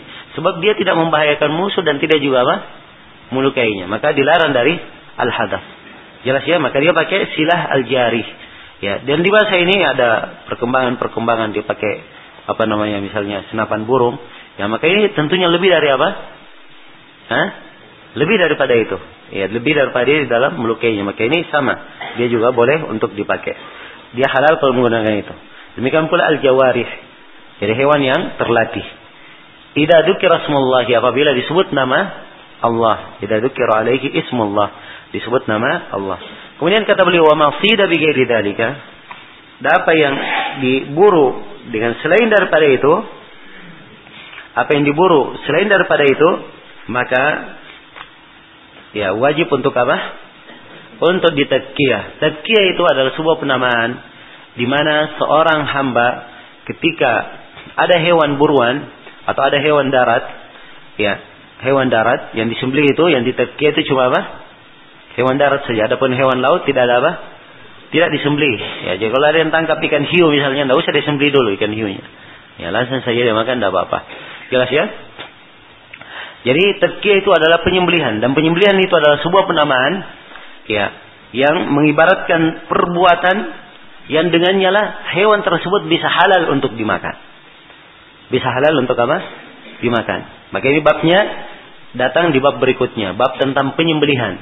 Ya situ diterangkan. Karena itu berurut ya makanan, kemudian apa? Ya, buruan, kemudian apa? Penyembelian. Sebab ini semuanya terkait pembahasannya. Ya, baik. Jadi selain daripada itu harus di ditadkiyah. Jadi kalau misalnya dia dia dia tembak burungnya. Ya burungnya jatuh masih apa? Menggelepar. Ya, masih goyang. Ya. Maka mungkin masih jalan sana sini linung. Ya. Jelas? Maka hewan seperti ini kalau dia masih dapat tidak halal hewan ini sebelum dia apa? dia sembeli sebab dia masih dapati dalam keadaan apa? Keadaan hidup. Ya, kecuali kalau dia dapati dalam keadaan sudah mati, maka apa? Hewan buruannya yang dia buru dengan mengucapkan nama Allah atau dia lepaskan senjatanya dengan mengucapkan nama Allah itu sudah menghalalkannya. Kalau dia ketemukan dalam keadaan apa? Dalam keadaan dia mati. Ya, jelas sampai sini? Baik. Maka di sini uh, di dalam memburu itu ya setelah hewannya tertimpa oleh buruan maka dia tidak lepas dari dua keadaan. Keadaan yang pertama, hewan tersebut diketemukan dalam keadaan masih hidup. Dalam keadaan apa? Masih hidup. Maka yang seperti ini wajib untuk apa? Wajib untuk disembelih dengan cara yang syar'i. Yang akan kita terangkan nanti. Kemudian yang kedua, dia diketemukan dalam keadaan sudah apa? Sudah mati. Dalam keadaan sudah mati. Ya. Atau dia diketemukan dalam keadaan sudah apa? Ya. Ya, sudah sakaratul maut, masih hidup tapi sudah hampir mati. Maka ini dalam kondisi yang seperti ini tentunya ya tidak ada masalah kalau memang dia sudah hampir mati. Sebab disembelih pun dia sudah apa? Sudah mati. Jelas ya? Tapi kalau dia masih hidup, semampu mungkin bisa disembelih, disembelih. Ya, baik. Jadi kalau dia didapati dalam keadaan dia sudah mati, maka hewan yang seperti ini itu halal apabila terpenuhi beberapa syarat. Syarat yang pertama, ya, orang yang memburunya adalah orang yang dihitung min ahli dakah dari orang yang boleh untuk menyembelih. Akan datang nanti di bab penyembelihan siapa yang boleh menyembelih. Yang boleh menyembelih itu, ya, apa-apa kita terangkan di sini ya. Yang boleh menyembelih itu adalah orang yang akil. Yang pertamanya dia apa? Akil. Balik uh, dia, dia akil, kemudian dia adalah seorang muslim atau apa? dia. Dia seorang muslim atau apa? dia. Dia seorang muslim atau penganut agama Yahudi atau apa? Nasrani. Jelas ya? Sebab dari keyakinan Yahudi dan Nasrani itu tidak boleh menyembeli kecuali dengan menyebut apa? Nama Allah Subhanahu wa taala. Iya, jelas? Itu dari keyakinan mereka. Tapi kalau misalnya diketahui bahwa si Yahudi menyembeli tidak menyebut nama Allah, ya bagaimana? Halal atau tidak? Tidak sama aja seorang muslim dia menyembeli, dia tahu muslim ini menyembeli pakai apa? Nama berhala misalnya, halal atau tidak? Ya tidak. Jelas ya? Baik. Tapi kalau tidak diketahui asalnya, ya sembelihan dari seorang muslim, Yahudi dan Nasrani asalnya apa? Asalnya boleh sepanjang mereka semuanya menyembelih di atas apa? Tentuan dari agamanya. Jelasnya? Ini ketentuan umum di dalam pembahasan ini. Ya. Maka di sinilah dibahas oleh para ulama berkaitan dengan masalah daging yang apa namanya? Ya, diekspor dari luar, ya datang dari luar. Ya, apakah dihalalkan atau tidak? Ya, maka dilihat cara penyembelihannya. Kalau mereka sembelih dengan cara ahlul kitab, maka itu adalah apa? Halal. Tapi kalau dia sembelih dengan cara yang seperti ya kadang kita dengarkan disembelih dengan cara disetrum atau langsung hancur kepalanya semua, ya. Maka ini adalah cara yang apa? Cara yang tidak dihalalkan. Ya, jelas sampai sini? Maka ini dibedakan. Jadi disyaratkan orang yang menyembelih dia akil dan seorang muslim. Seorang muslim. Tidak disyaratkan di sini al-buluk dia harus balik sebab anak kecil kadang juga pandai apa? Pandai menyembelih dan tidak disyaratkan dia harus laki-laki. Sebab perempuan juga kalau menyembelih syah sembelihannya. Jelasnya ini juga keyakinan sebagian masyarakat bahwa perempuan apa? Tidak boleh menyembelih. Ya, tidak ada dalil yang melarang. Ya, boleh saja perempuan yang menyembelih silakan. Ya, yang penting dia uh, ikuti ketentuannya membaca apa? Membaca basmalah. Kemudian berikutnya syarat yang kedua, hewan itu menjadi halal kalau dia menggunakan alat di dalam memburunya. Ya, dan alat ini ya dua macam. Yang pertama adalah alat yang dibahasakan di sini oleh Syaukani bisilah al-jarih dengan apa namanya senjata yang melukai, senjata cat tajam. Senjata apa? Tajam. Sebab di dalam penyembelihan itu disyaratkan penyembelihan itu dia menggunakan senjata tajam yang bisa mengalirkan apa? Mengalirkan darah. Dan akan kita terangkan nanti ya Bagaimana ketentuannya apa saja yang dipotong ketika disembeli. Ya. Tapi di senjata ini tidak boleh dia menggunakan apa? Menggunakan gigi dan tidak boleh dia menggunakan kuku. Ya, jelas? Sebab ini dua hal yang dilarang ya di dalam menyembelih. Dua hal yang dilarang di dalam apa? Di dalam menyembelih. Ya, baik. Tidak ada hadis yang melarang tentang hal tersebut. Ya, menggunakan dua hal ini. Nah, selain daripada itu dia menggunakan uh, pisau misalnya, dia menggunakan panah misalnya, uh, atau dia menggunakan apa namanya uh, uh, peluru misalnya, kalau dia menggunakan senjata, maka ini adalah hal yang diperbolehkan. Ya, kemudian kalau dia dia memburu tidak menggunakan ya senjata yang melukai, maka ini tidak halal untuk dimakan. Ya, seperti misalnya dia buru pakai tongkat. Ya, jelas ya. Hewannya dari jauh dia lempar pakai tongkat. Ya, kena kepalanya langsung mati. Iya. Maka ini halal atau tidak? Hah? Dia baca bismillah melemparnya. Ya. Maka ini tidak halal sebab dia tidak apa? Tidak melukai. Ya, jadi syaratkan dia adalah benda tajam. Harus benda apa? Benda tajam. Ya, demikian pula kalau misalnya dia jaring. Ya, hewannya di dikasih perangkat di jaring, ya, kena jaring dia. Ya, pas kena jaring di atas naik jaringnya ke atas, tidak kuat jarinya, jatuh hewannya, mati. Ya. Halal atau tidak? Jawabannya ini tidak halal. Sebab dia tidak apa? Tidak melukai. Ya. Jelas ya? Baik, kemudian yang ketiga, syarat yang keberapa? Uh, berikutnya yang kedua ya, menggunakan alat. Alat itu dua macam, kadang dengan benda tajam dan kadang dengan apa? Hewan pemburu yang sudah terlatih. Ya, hewan pemburu ini dia bisa melukai, karena itu dikatakan al-jawarih. Sebab dia apa? Bisa melukai. Ya, apakah anjing, ya, atau apa? Burung, ya, atau yang semisalnya yang bisa dipakai untuk apa? Untuk memburu. Nah, maka apa yang dilatih darinya ini diperbolehkan sebab disebutkan dalam Al-Qur'an wa ma'allamtum minal jawarih. Apa yang kalian latih dari al-jawarih. Jadi disebutkan dilatih. Ya, dan dilatih ini ya di, di, diberikan etika. Ya. Bagaimana ya di, diberikan diajar anjing ini bagaimana dia memburu ketika dilepaskan bagaimana dia menangkapnya ya jelas ya maka ini semuanya adalah hal yang hendaknya diperhatikan dan tentang masalah uh, apa namanya melepaskan anjing ini dan bagaimana ketentuannya nanti akan ada pembahasan dari Imam Asy-Syaukani. Baik, kemudian syarat yang ketiga syarat yang ketiga ya, dia memasang alat tersebut atau mengirim alat itu, ya apakah dia melempar pakai tombak atau dia kirim buruannya, itu dia kirim dengan memaksudkan untuk apa? Mendapatkan buruan, dia maksudkan. Sebab dalam hadis dikatakan ida arsalta kalbakal muallam. Kalau kamu mengirim apa? Anjing terlatihmu, bukan anjingnya lepas sendiri. Ya, tapi apa? Dia kirim harus ada maksud. Ya. Dari apa? Orang yang mengirimnya. Wa dzakarta ismallahi alaihi faqul dan kau sebut nama Allah di atasnya tidak apa-apa. Jelas ya? Baik. Maka nampak dari sini bahwa itu harus ada maksud. Harus ada apa? Harus ada maksud. Misalnya ada orang yang pegang pisau. Ya. Nah, jelas ya? Dia tidak ada maksud. Tiba pisaunya jatuh, kena hewan buruannya, langsung mati. Ya, hewan buruan ini tersembelih mati. Ya, kira-kira di sini halal atau tidak? Jawabannya tidak, sebab dia tidak apa? Tidak memaksudkan. Ya, tidak memaksudkan. Demikian pula kalau dia kirim, ya, hewan buruannya misalnya, andai kata dia lepas sendiri, ya, lepas sendiri hewannya, maka ini tidak halal. Kalau dia lepas sendiri. Ya, atau hewannya misalnya duduk, ya. Ya, kemudian pemiliknya sedang istirahat, tiba-tiba dia cari di mana hewan saya, di mana anjing saya ini. Ya, hilang. Yang dalam kemudian anjingnya datang membawa apa? Ya, buruan. Ini halal dimakan? Jawabannya tidak, sebab kemungkinan ya si anjing ini dia memburu untuk dirinya sendiri. Untuk dirinya sendiri. Ya, jelas ya? Karena itu tidak boleh untuk dimakan. Ya, karena dan dia disyaratkan maksud Ya itulah sebabnya dia dikatakan muallim sebab dia terlatih.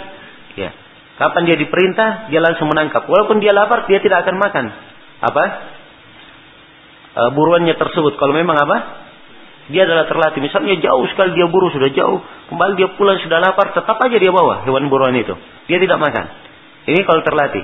Beda kalau dia memburu diri untuk dirinya sendiri. Ya, tiba-tiba dia hilang. Nah, ini artinya dia pergi cari makanan sendiri. Jelas ya? Baik, maka disyaratkan dia dimaksudkan. Andai kata misalnya ada orang yang menembak burung, ya, ya, burungnya banyak di situ, tapi ada yang dia keker satu, ya, ya, begitu dia tembak, ya, bukannya satu itu yang kena, tapi ada lima burung yang lain yang kena, ya. Kira-kira bagaimana memakannya? Burung yang lain ini? Hah? Boleh atau tidak? Ya, jawabannya ini boleh. Ya, sebab ya memang ya dia sudah memaksudkan apa? Ya memburu, ya. Maka apa pun yang dia kena tidak ada masalah insyaallah taala. Kemudian disyaratkan syarat yang keempat ya. Dia harus membaca tasmiyah. Membaca apa? Membaca bismillah. Membaca bismillah di dalam memburunya. Jadi ini empat syarat. Kalau diketemukan hewan buruan itu dalam keadaan apa? Dalam keadaan dia sudah mati atau sudah hampir mati, maka disyaratkan padanya berapa syarat untuk menjadi halal? Disyaratkan padanya empat syarat sehingga dia bisa menjadi halal. Syarat yang pertama tadi apa? Orang yang memburunya adalah orang yang syah sembelihannya. Kemudian syarat yang kedua ada alat buruan, yaitu apakah dengan besi tajam atau dengan apa? Hewan buruan. Kemudian syarat yang ketiga ada maksud. Ya, ada maksud. Kemudian uh, syarat yang keempat ya membaca basmalah ketika apa? melepaskannya. Kemudian kata Syaukani rahimahullahu taala, Kata beliau, "Wa idza syaraka al-kalb al-mu'allama kalbun akhar lam yahilla sayduhu." Apa lam yahilla sayduhuma. Apabila misalnya ada anjing yang terlatih, ya, dia di, diikuti atau bersamaan dengannya ada anjing yang lain. Maka apa yang ditangkap oleh keduanya itu tidak halal untuk apa? Tidak halal untuk dimakan. Apa yang ditangkap oleh keduanya itu tidak halal untuk dimakan. Nah, sebab datang di dalam uh, hadis apa namanya? riwayat uh, apa dalam hadis Adi radhiyallahu taala anhu ya. Nah, dalam hadis Adi bin Hatim yang diriwayatkan oleh Imam Al-Bukhari dan Imam Muslim, ya Rasulullah sallallahu alaihi wasallam bersabda, "Wa idza qatalna ma lam yashrakha kalbun laysa ma'aha." Ya disebutkan apabila dia membunuh sepanjang tidak ada anjing lain yang bukan bersamanya. Ya, kalau ada anjing lain di situ bersamanya dia memburu bersama-sama, maka ini tidak di apa? Tidak dihalalkan. Jelas ya? Tidak dihalalkan. Tapi kalau misalnya berlomba banyak anjing memburu, ya. Kemudian dia dilihat hanya dia yang kena menangkap hewan itu dan hanya dia sendiri yang memburunya, maka ini tidak ada masalah. Tapi kalau dia lepas ada anjing lain misalnya, Ya, ini tidak diketahui yang mana yang membunuhnya. Apakah si anjing terlatih ini atau anjing yang tidak terlatih? Ya, baik. Kemudian kata beliau, wa idza akala al-kalbul mu'allam wa nahwuhu min as-sayd lam yahilla, fa inna ma amsaka ala nafsihi. Kalau anjing terlatih atau yang semisalnya dia makan dari said itu, dia makan dari buruan itu maka tidak halal. Ya, misalnya si anjing terlatih dia memburu, dilepas oleh tuannya memburu. Ternyata kembali ya buruannya sisa sepotong. Ya misalnya. Maka ini tidak halal karena dia memburu hanya untuk siapa? Untuk dirinya sendiri, untuk dirinya sendiri. Dan ini mungkin saja ya, anjing walaupun terlatih bagaimana dia ikut tuannya, tapi kalau tuannya sudah dia sudah memburu lima kali, tapi dia belum diberi makan, ya, ya mungkin saja anjingnya bisa apa? Bisa makan sendiri, kan begitu? Iya, baik. Kemudian kata beliau wa idza wujida as-saydu ba'da fihi maitan atau mayyitan walau ba'da ayyam fi ghairi ma'in kana halalan ma lam yuntin aw yu'lam anna alladhi qatalahu ghairu sahmihi. Ya, apabila diketemukan ada seekor said buruan ya. Apa setelah dilemparnya, setelah dilemparnya dia diketemukan mati. Setelah beberapa hari Walaupun setelah beberapa hari. Dan matinya bukan di air. Maka hewan yang seperti ini adalah halal. Ya, sepanjang apa namanya? Dia belum membusuk. Dan sepanjang diketahui bahwa sepanjang tidak diketahui bahwa yang membunuhnya adalah selain dari apa? Panahnya. Ya, jadi misalnya dia bidik. Ada Rusia dia bidik misalnya dengan panah. Ya, jelas ya? Kena rusanya. Lari rusa ini. Ya lari. Cari-cari, cari-cari nggak ketemu. Cari-cari nggak ketemu. Jelas ya? Maka setelah itu, ya selama beberapa hari ketemu rusanya, sudah mati. Ya, rusa ini matinya di darat, bukan di air. Dan diketemukan di situ anak panahnya, dia tahu itu milik dia. Jelas ya? Maka ini hukumnya apa? Hukumnya halal, boleh dimakan. Tapi kalau dia jatuh di air, boleh dimakan atau tidak? Ya, tidak boleh. Sebab mungkin yang membunuhnya anak panah dan mungkin yang membunuhnya adalah apa? Karena dia mati di air. Jelas ya? Ya, baik. Dan kalau misalnya diketemukan rusanya dalam keadaan mati di darat, ternyata ada dua anak panah di situ. Ya, satu anak panah yang lainnya tidak dikenal milik siapa, maka dia tidak boleh apa? Tidak boleh ya mengambilnya. Jelas ya? Demikian pula misalnya kalau dia ketemukan, ya ternyata hewannya sudah apa? Sudah busuk. Ya, maka ini lain lagi ya pembahasannya. Sebab tidak diperbolehkan seorang memakan sesuatu yang apa? Ya mustahbah.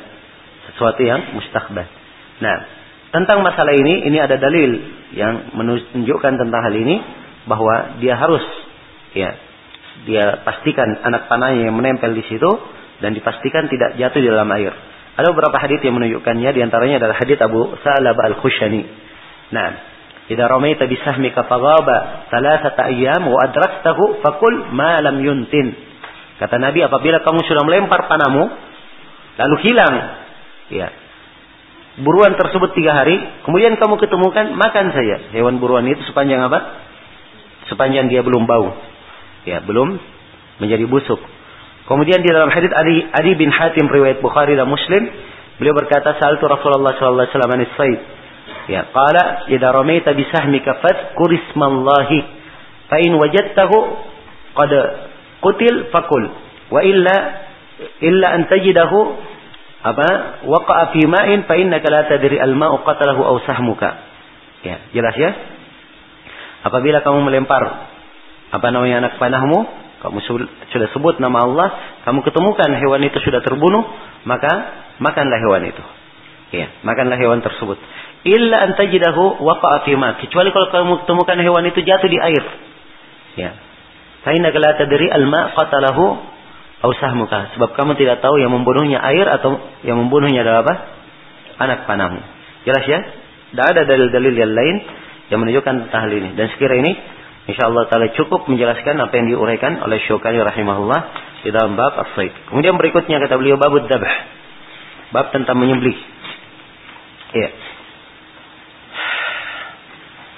Baik. Dalam menyembelih ini ada tujuh pembahasan kita garis bawahi. Yang pertama syarat syah penyembelihan. Asyukani berkata ma'an harad dama wa faral audaja wa dzukira smullahi alaihi walau bihajarin aw nahwihi ma lam yakun sinnan aw dhufra. Ya. Quran sembelihan yang disembelih itu ya adalah ma'an harad dam. Apa yang mengalirkan apa? Darah. Jadi darahnya sudah mengalir.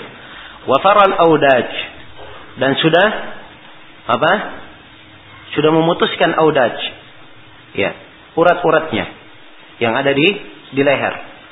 Ya, jelas? Wa Rasulullah dan telah disebutkan nama Allah. Telah disebutkan nama Allah. Ya. Jelas? Maka ini ketentuan di dalam menyembelih.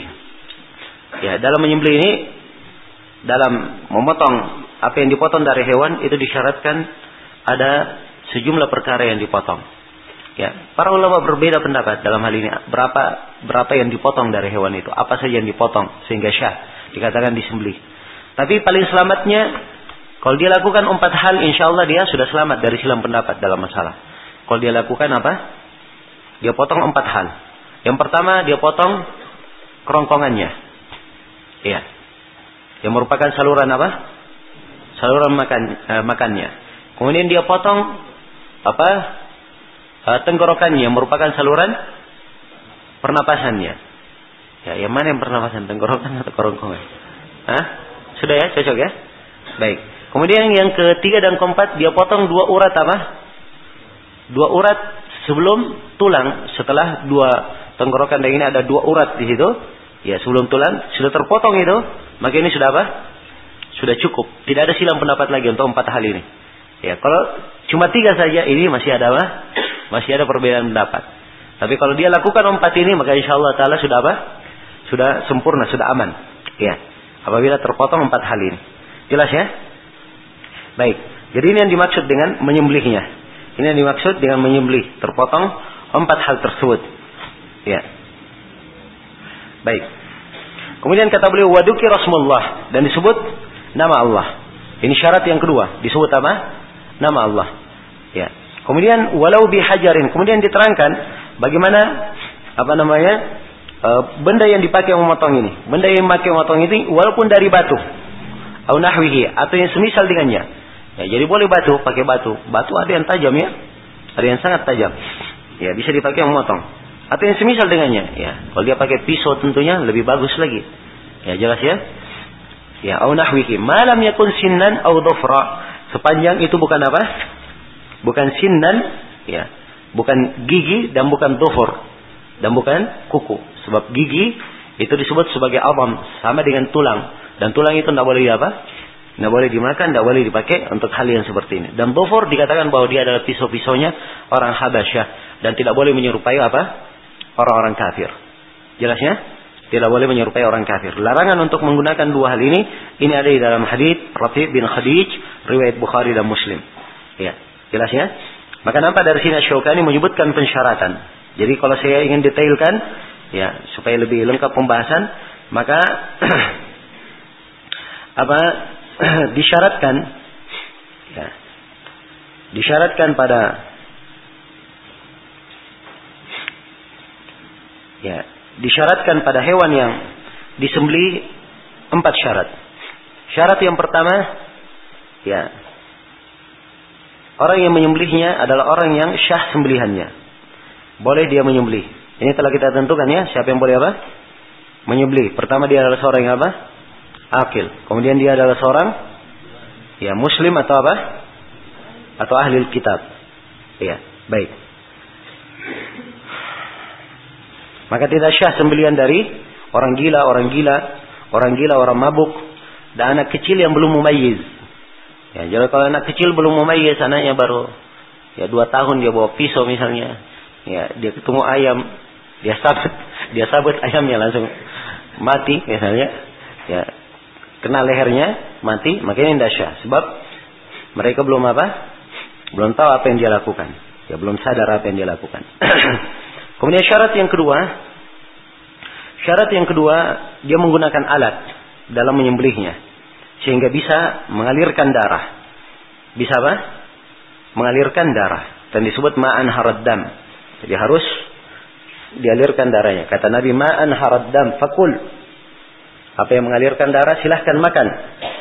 Falaisa sin wa tapi bukan dengan menggunakan apa? Gigi dan dufur, kuku.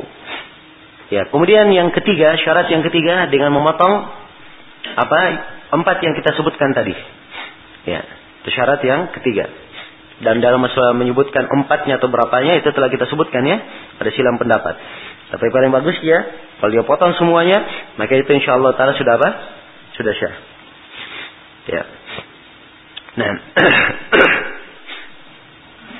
Kemudian syarat yang keberapa? Syarat yang keempat, dia membaca nama Allah ketika apa? Ketika memotongnya. Yang membaca apa? Membaca nama Allah ketika memotongnya. Dia membaca bismillah. Membaca bismillah. Ya. Dan ketika dipotong ini hanya dibaca bismillahi saya. Ya, tidak ada bismillahirrahmanirrahim. Hanya apa? Bismillah. Itu dicontohkan di dalam hadis. Bismillah. Boleh ditambah Allah Akbar kalau mau ditambah. Bismillah apa? Allah Akbar. Tidak apa-apa. Sebab menyebutkan Ar-Rahmanir Rahim di sini tidak pantas. Ya ini apa? Ya, dipotong. Ya. Dipotong artinya disembeli. Kalau disebutkan Ar-Rahmanir Rahim dengan nama Allah yang Maha Pengasih lagi Maha Penyayang kemudian dia sembeli, ya. Ini kan tidak pantas. Apa namanya dia menyebutkannya. Jelas ya? Baik.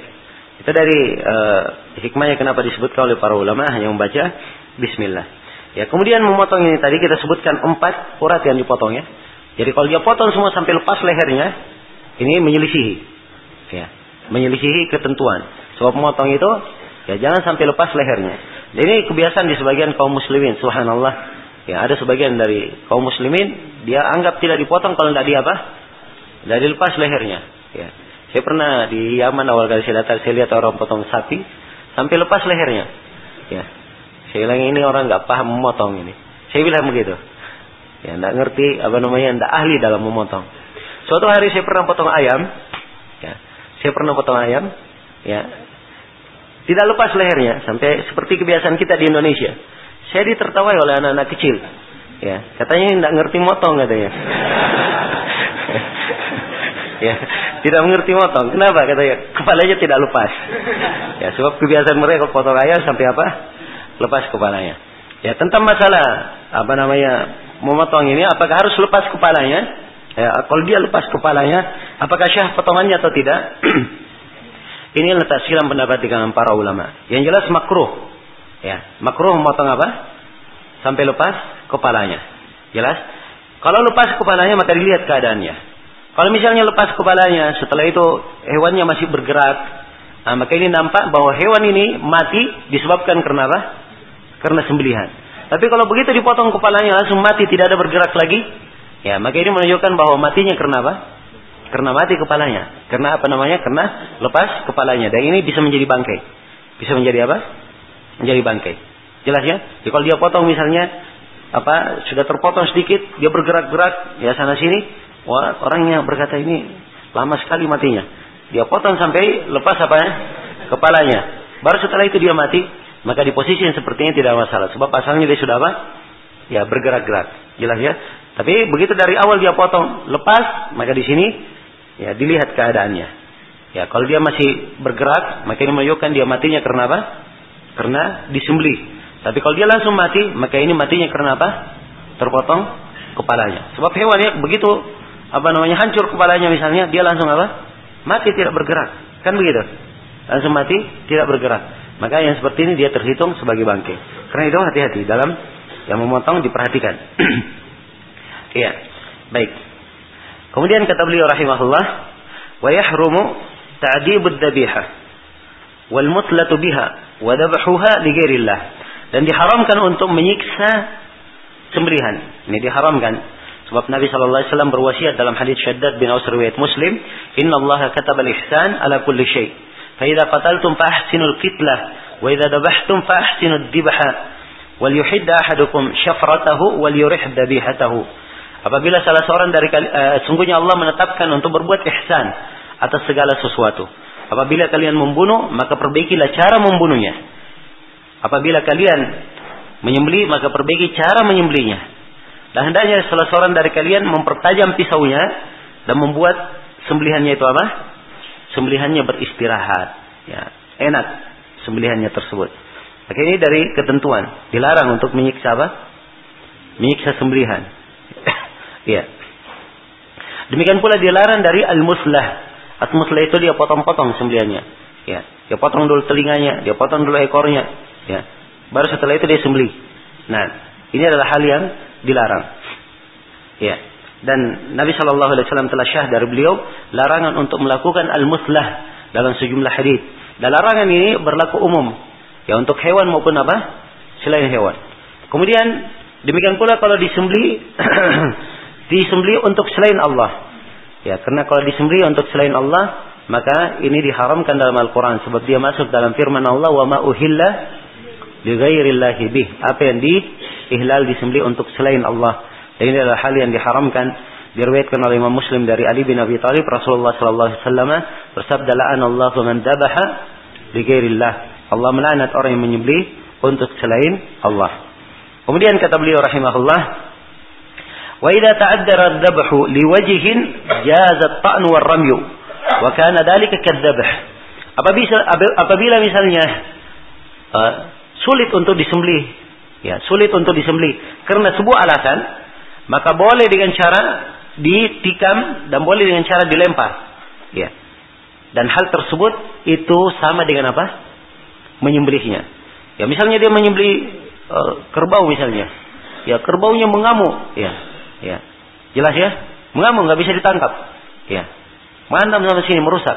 Maka kalau misalnya ada yang melemparnya, ya, kemudian ada yang memukul bagian dari badannya terluka sehingga dia mati, maka itu sudah dianggap apa? Dianggap sebagai sembelihan. Dianggap sebagai sembelihan. Nah, dalilnya tentang hal ini adalah apa yang datang di dalam riwayat Bukhari dan Muslim dari Rafi' bin Khadij. Ya, radhiyallahu taala anhu.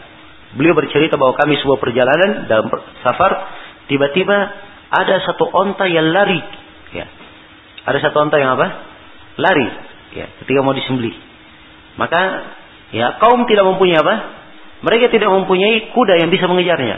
Ya kalau onta dikejar pakai onta, ya ini tidak ketemu ya. Tapi kalau onta dikejar pakai kuda, maka itu bisa apa? Bisa dikejar. Nah, jelas ya.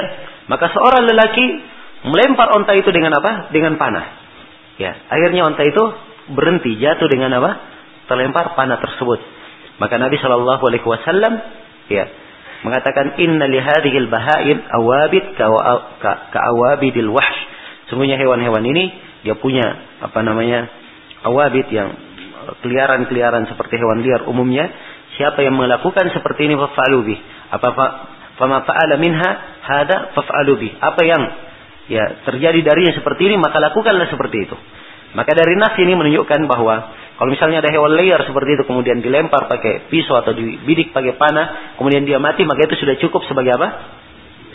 Ya, cukup sebagai sembelihan untuknya. Kemudian kata beliau rahimahullahu taala, wa dakatul janini zakatu ummihi. Ya, dan disembelihnya dan disembelihnya ya atau sembelihan untuk janin itu adalah sembelihan ibunya. Ini khusus untuk hewan ternak yang hamil. Kalau ada hewan ternak yang hamil, misalnya, ya, kemudian dia disembelih, ternyata diketemukan dia punya janin, maka janinnya ini, ya, itu sudah halal kalau ibunya sudah apa? Sudah disembelih. Itu maksudnya. Dan ini ada di dalam hadis yang datang dari seluruh jumlah jalan dan insya Allah taala semuanya bisa diri bisa dikuatkan, bisa dikuatkan bahwa janin itu dakatuhu kadakati apa dakatul janin dakatu ummihi. Ya, janin itu dakahnya penghalalannya dengan penyembelihan itu cukup dengan penyembelihan untuk apa? Ibunya. Tapi para ulama merinci masalah menjadi dua. Kalau misalnya setelah dibelah perutnya, setelah ibunya disembelih, ya dengan cara yang syar'i, kemudian dibelah perutnya, setelah dibelah perutnya, diketemukan janinnya, maka dilihat janin ini keadaannya ada dua. Kalau janinnya masih hidup, maka janin ini wajib untuk apa? Disembelih. Sebab dia hewan hidup wajib untuk apa? disembelih. Tapi kalau diketemukan dia sudah mati, maka sembelihan untuk janin ini itu telah cukup dengan menyembelih apa? Dengan menyembelih ibunya. Jelas ya? Kemudian kata Syukani rahimahullah, "Wa ma ubina minal hayyi fa huwa maitatun." Nah, dan apa saja yang dipisahkan, apa saja dari apa saja yang dipisahkan dari hewan hidup, maka itu dihitung apa? Dihitung bangkai. Jadi misalnya ada hewan misalnya, Hah? Ada hewan, dia masih hidup, dipotong ekornya. Maka ekornya ini adalah apa? Ekornya adalah bangkai. Ya, jelas ya. Itu yang disebut ya di sini oleh Syukani dan beliau berdalilkan dengan sebuah hadis. Ya, beliau berdalilkan dengan sebuah hadis, "Ma qutiya minal bahimati wa hiya hayyah, fa maitah." Apa yang dipotong dari uh, hewan dan dia masih hidup, maka yang dipotong itu dihitung sebagai bangkai, dihitung sebagai bangkai. Nah, namun hadis dalam hal ini adalah hadis yang lemah. Hadis yang dipakai di sini oleh Imam Syaukani adalah hadis apa? Hadis yang lemah. Ya, jadi asalnya kalau hadisnya adalah hadis yang lemah, maka ini tidak dipakai berhujjah. Tetapi yang berkaitan dengan masalah apa yang terpisah darinya dihitung bangkai atau tidak, ini sekira ada apa namanya mahal nadar ya perlu dilihat lagi dan dirinci lagi masalahnya lebih detail. Tapi yang jelas hadis yang dipakai oleh beliau di sini adalah hadis yang apa? Hadis yang lemah. Kemudian kata beliau wa tahillu maitatani wa damani as-samaku wal jarat wal kabir wa tihal. Dan halal dua bangkai dan dua darah. Dua bangkai yang halal adalah ikan dan apa? Belalang. Nah, dua darah yang halal adalah al-kabid wa tihal. Ya, al-kabid adalah apa? Hah? Al-kabid hati. At-tihal Hah? Limpa. Ini adalah dua hal yang dihalalkan. Jelas. Ya dari darah dan dari apa? Dari bangkai. Ya dan ini ada hadis dari Ibnu Umar secara marfu'nya lemah. Secara marfu' dia lemah, tetapi ya, tetapi dia mempunyai uh, dia dia sahih dari sisi dia sahih secara mauquf. Hadisnya sahih secara apa? Mauquf. Dan yang mauquf punya hukum marfu' punya hukum marfu. Nah, karena itu para ulama ya berdalilkan dengan dalil ini sebab dia punya hukum marfu. Baik. Kemudian kemudian kata beliau rahimahullah dan jarat ini secara khusus itu ada di dalam hadis Abdullah bin Abi Auf riwayat Bukhari dan Muslim, gazawna ma Rasulullah sallallahu alaihi wasallam sab'a ghazawat la na'kul illa al-jarat. Ya, kata beliau kami berperang bersama Rasulullah sallallahu alaihi wasallam tujuh kali peperangan. Kami tidak makan kecuali apa? Kecuali belalang menunjukkan bahwa belalang adalah halal. Ini pendapat kebanyakan ulama. Adapun orang-orang Malikiyah, sebagian orang Malikiyah disyaratkan belalang itu disembelih juga. Ya, harus disembelih. Ya. Baik, dari itu pendapat yang lemah. Yang benarnya ya, bangkainya adalah halal. Baik. Kemudian kata beliau wa tahillul maitatu lil muttar. Dan halal bangkai itu bagi siapa? Orang yang terdesak. Ya. Nah, inilah yang disebut dalam sejumlah ayat illa matturittum ilaih kecuali apa yang kalian itu terdesak padanya. Nah, ya. Faman iturra ghaira bagin wala adin, siapa yang terdesak, ya. Siapa yang terdesak? Disebutkan kalimat terdesak. Jadi kalau dia terdesak darurat dalam keadaan darurat ya namanya darurat. Ad-darurat tubihu apa? Al-mahdurat. Ya, darurat itu membolehkan hal yang terlarang. Ya. Nah, jelas ya? Baik, selesai sudah pembahasan tentang masalah penyembelihan. Kemudian kata Syaukani rahimahullah taala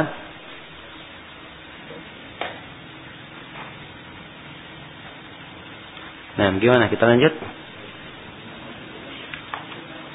Jam 8 ya. Baik. Untuk sementara kita cukupkan dulu sampai sini. Tapi e, mungkin kita akan mulai lebih pagi ya. Biasanya kita mulai jam 10, mungkin kita mulai setengah 10 atau kalau bisa jam 9 nanti insya Allah kita mulai. Ya. Ya, subhanakallahumma bihamdik asyhadu an la ilaha illa anta astaghfiruka wa atubu ilaik walhamdulillahi rabbil alamin.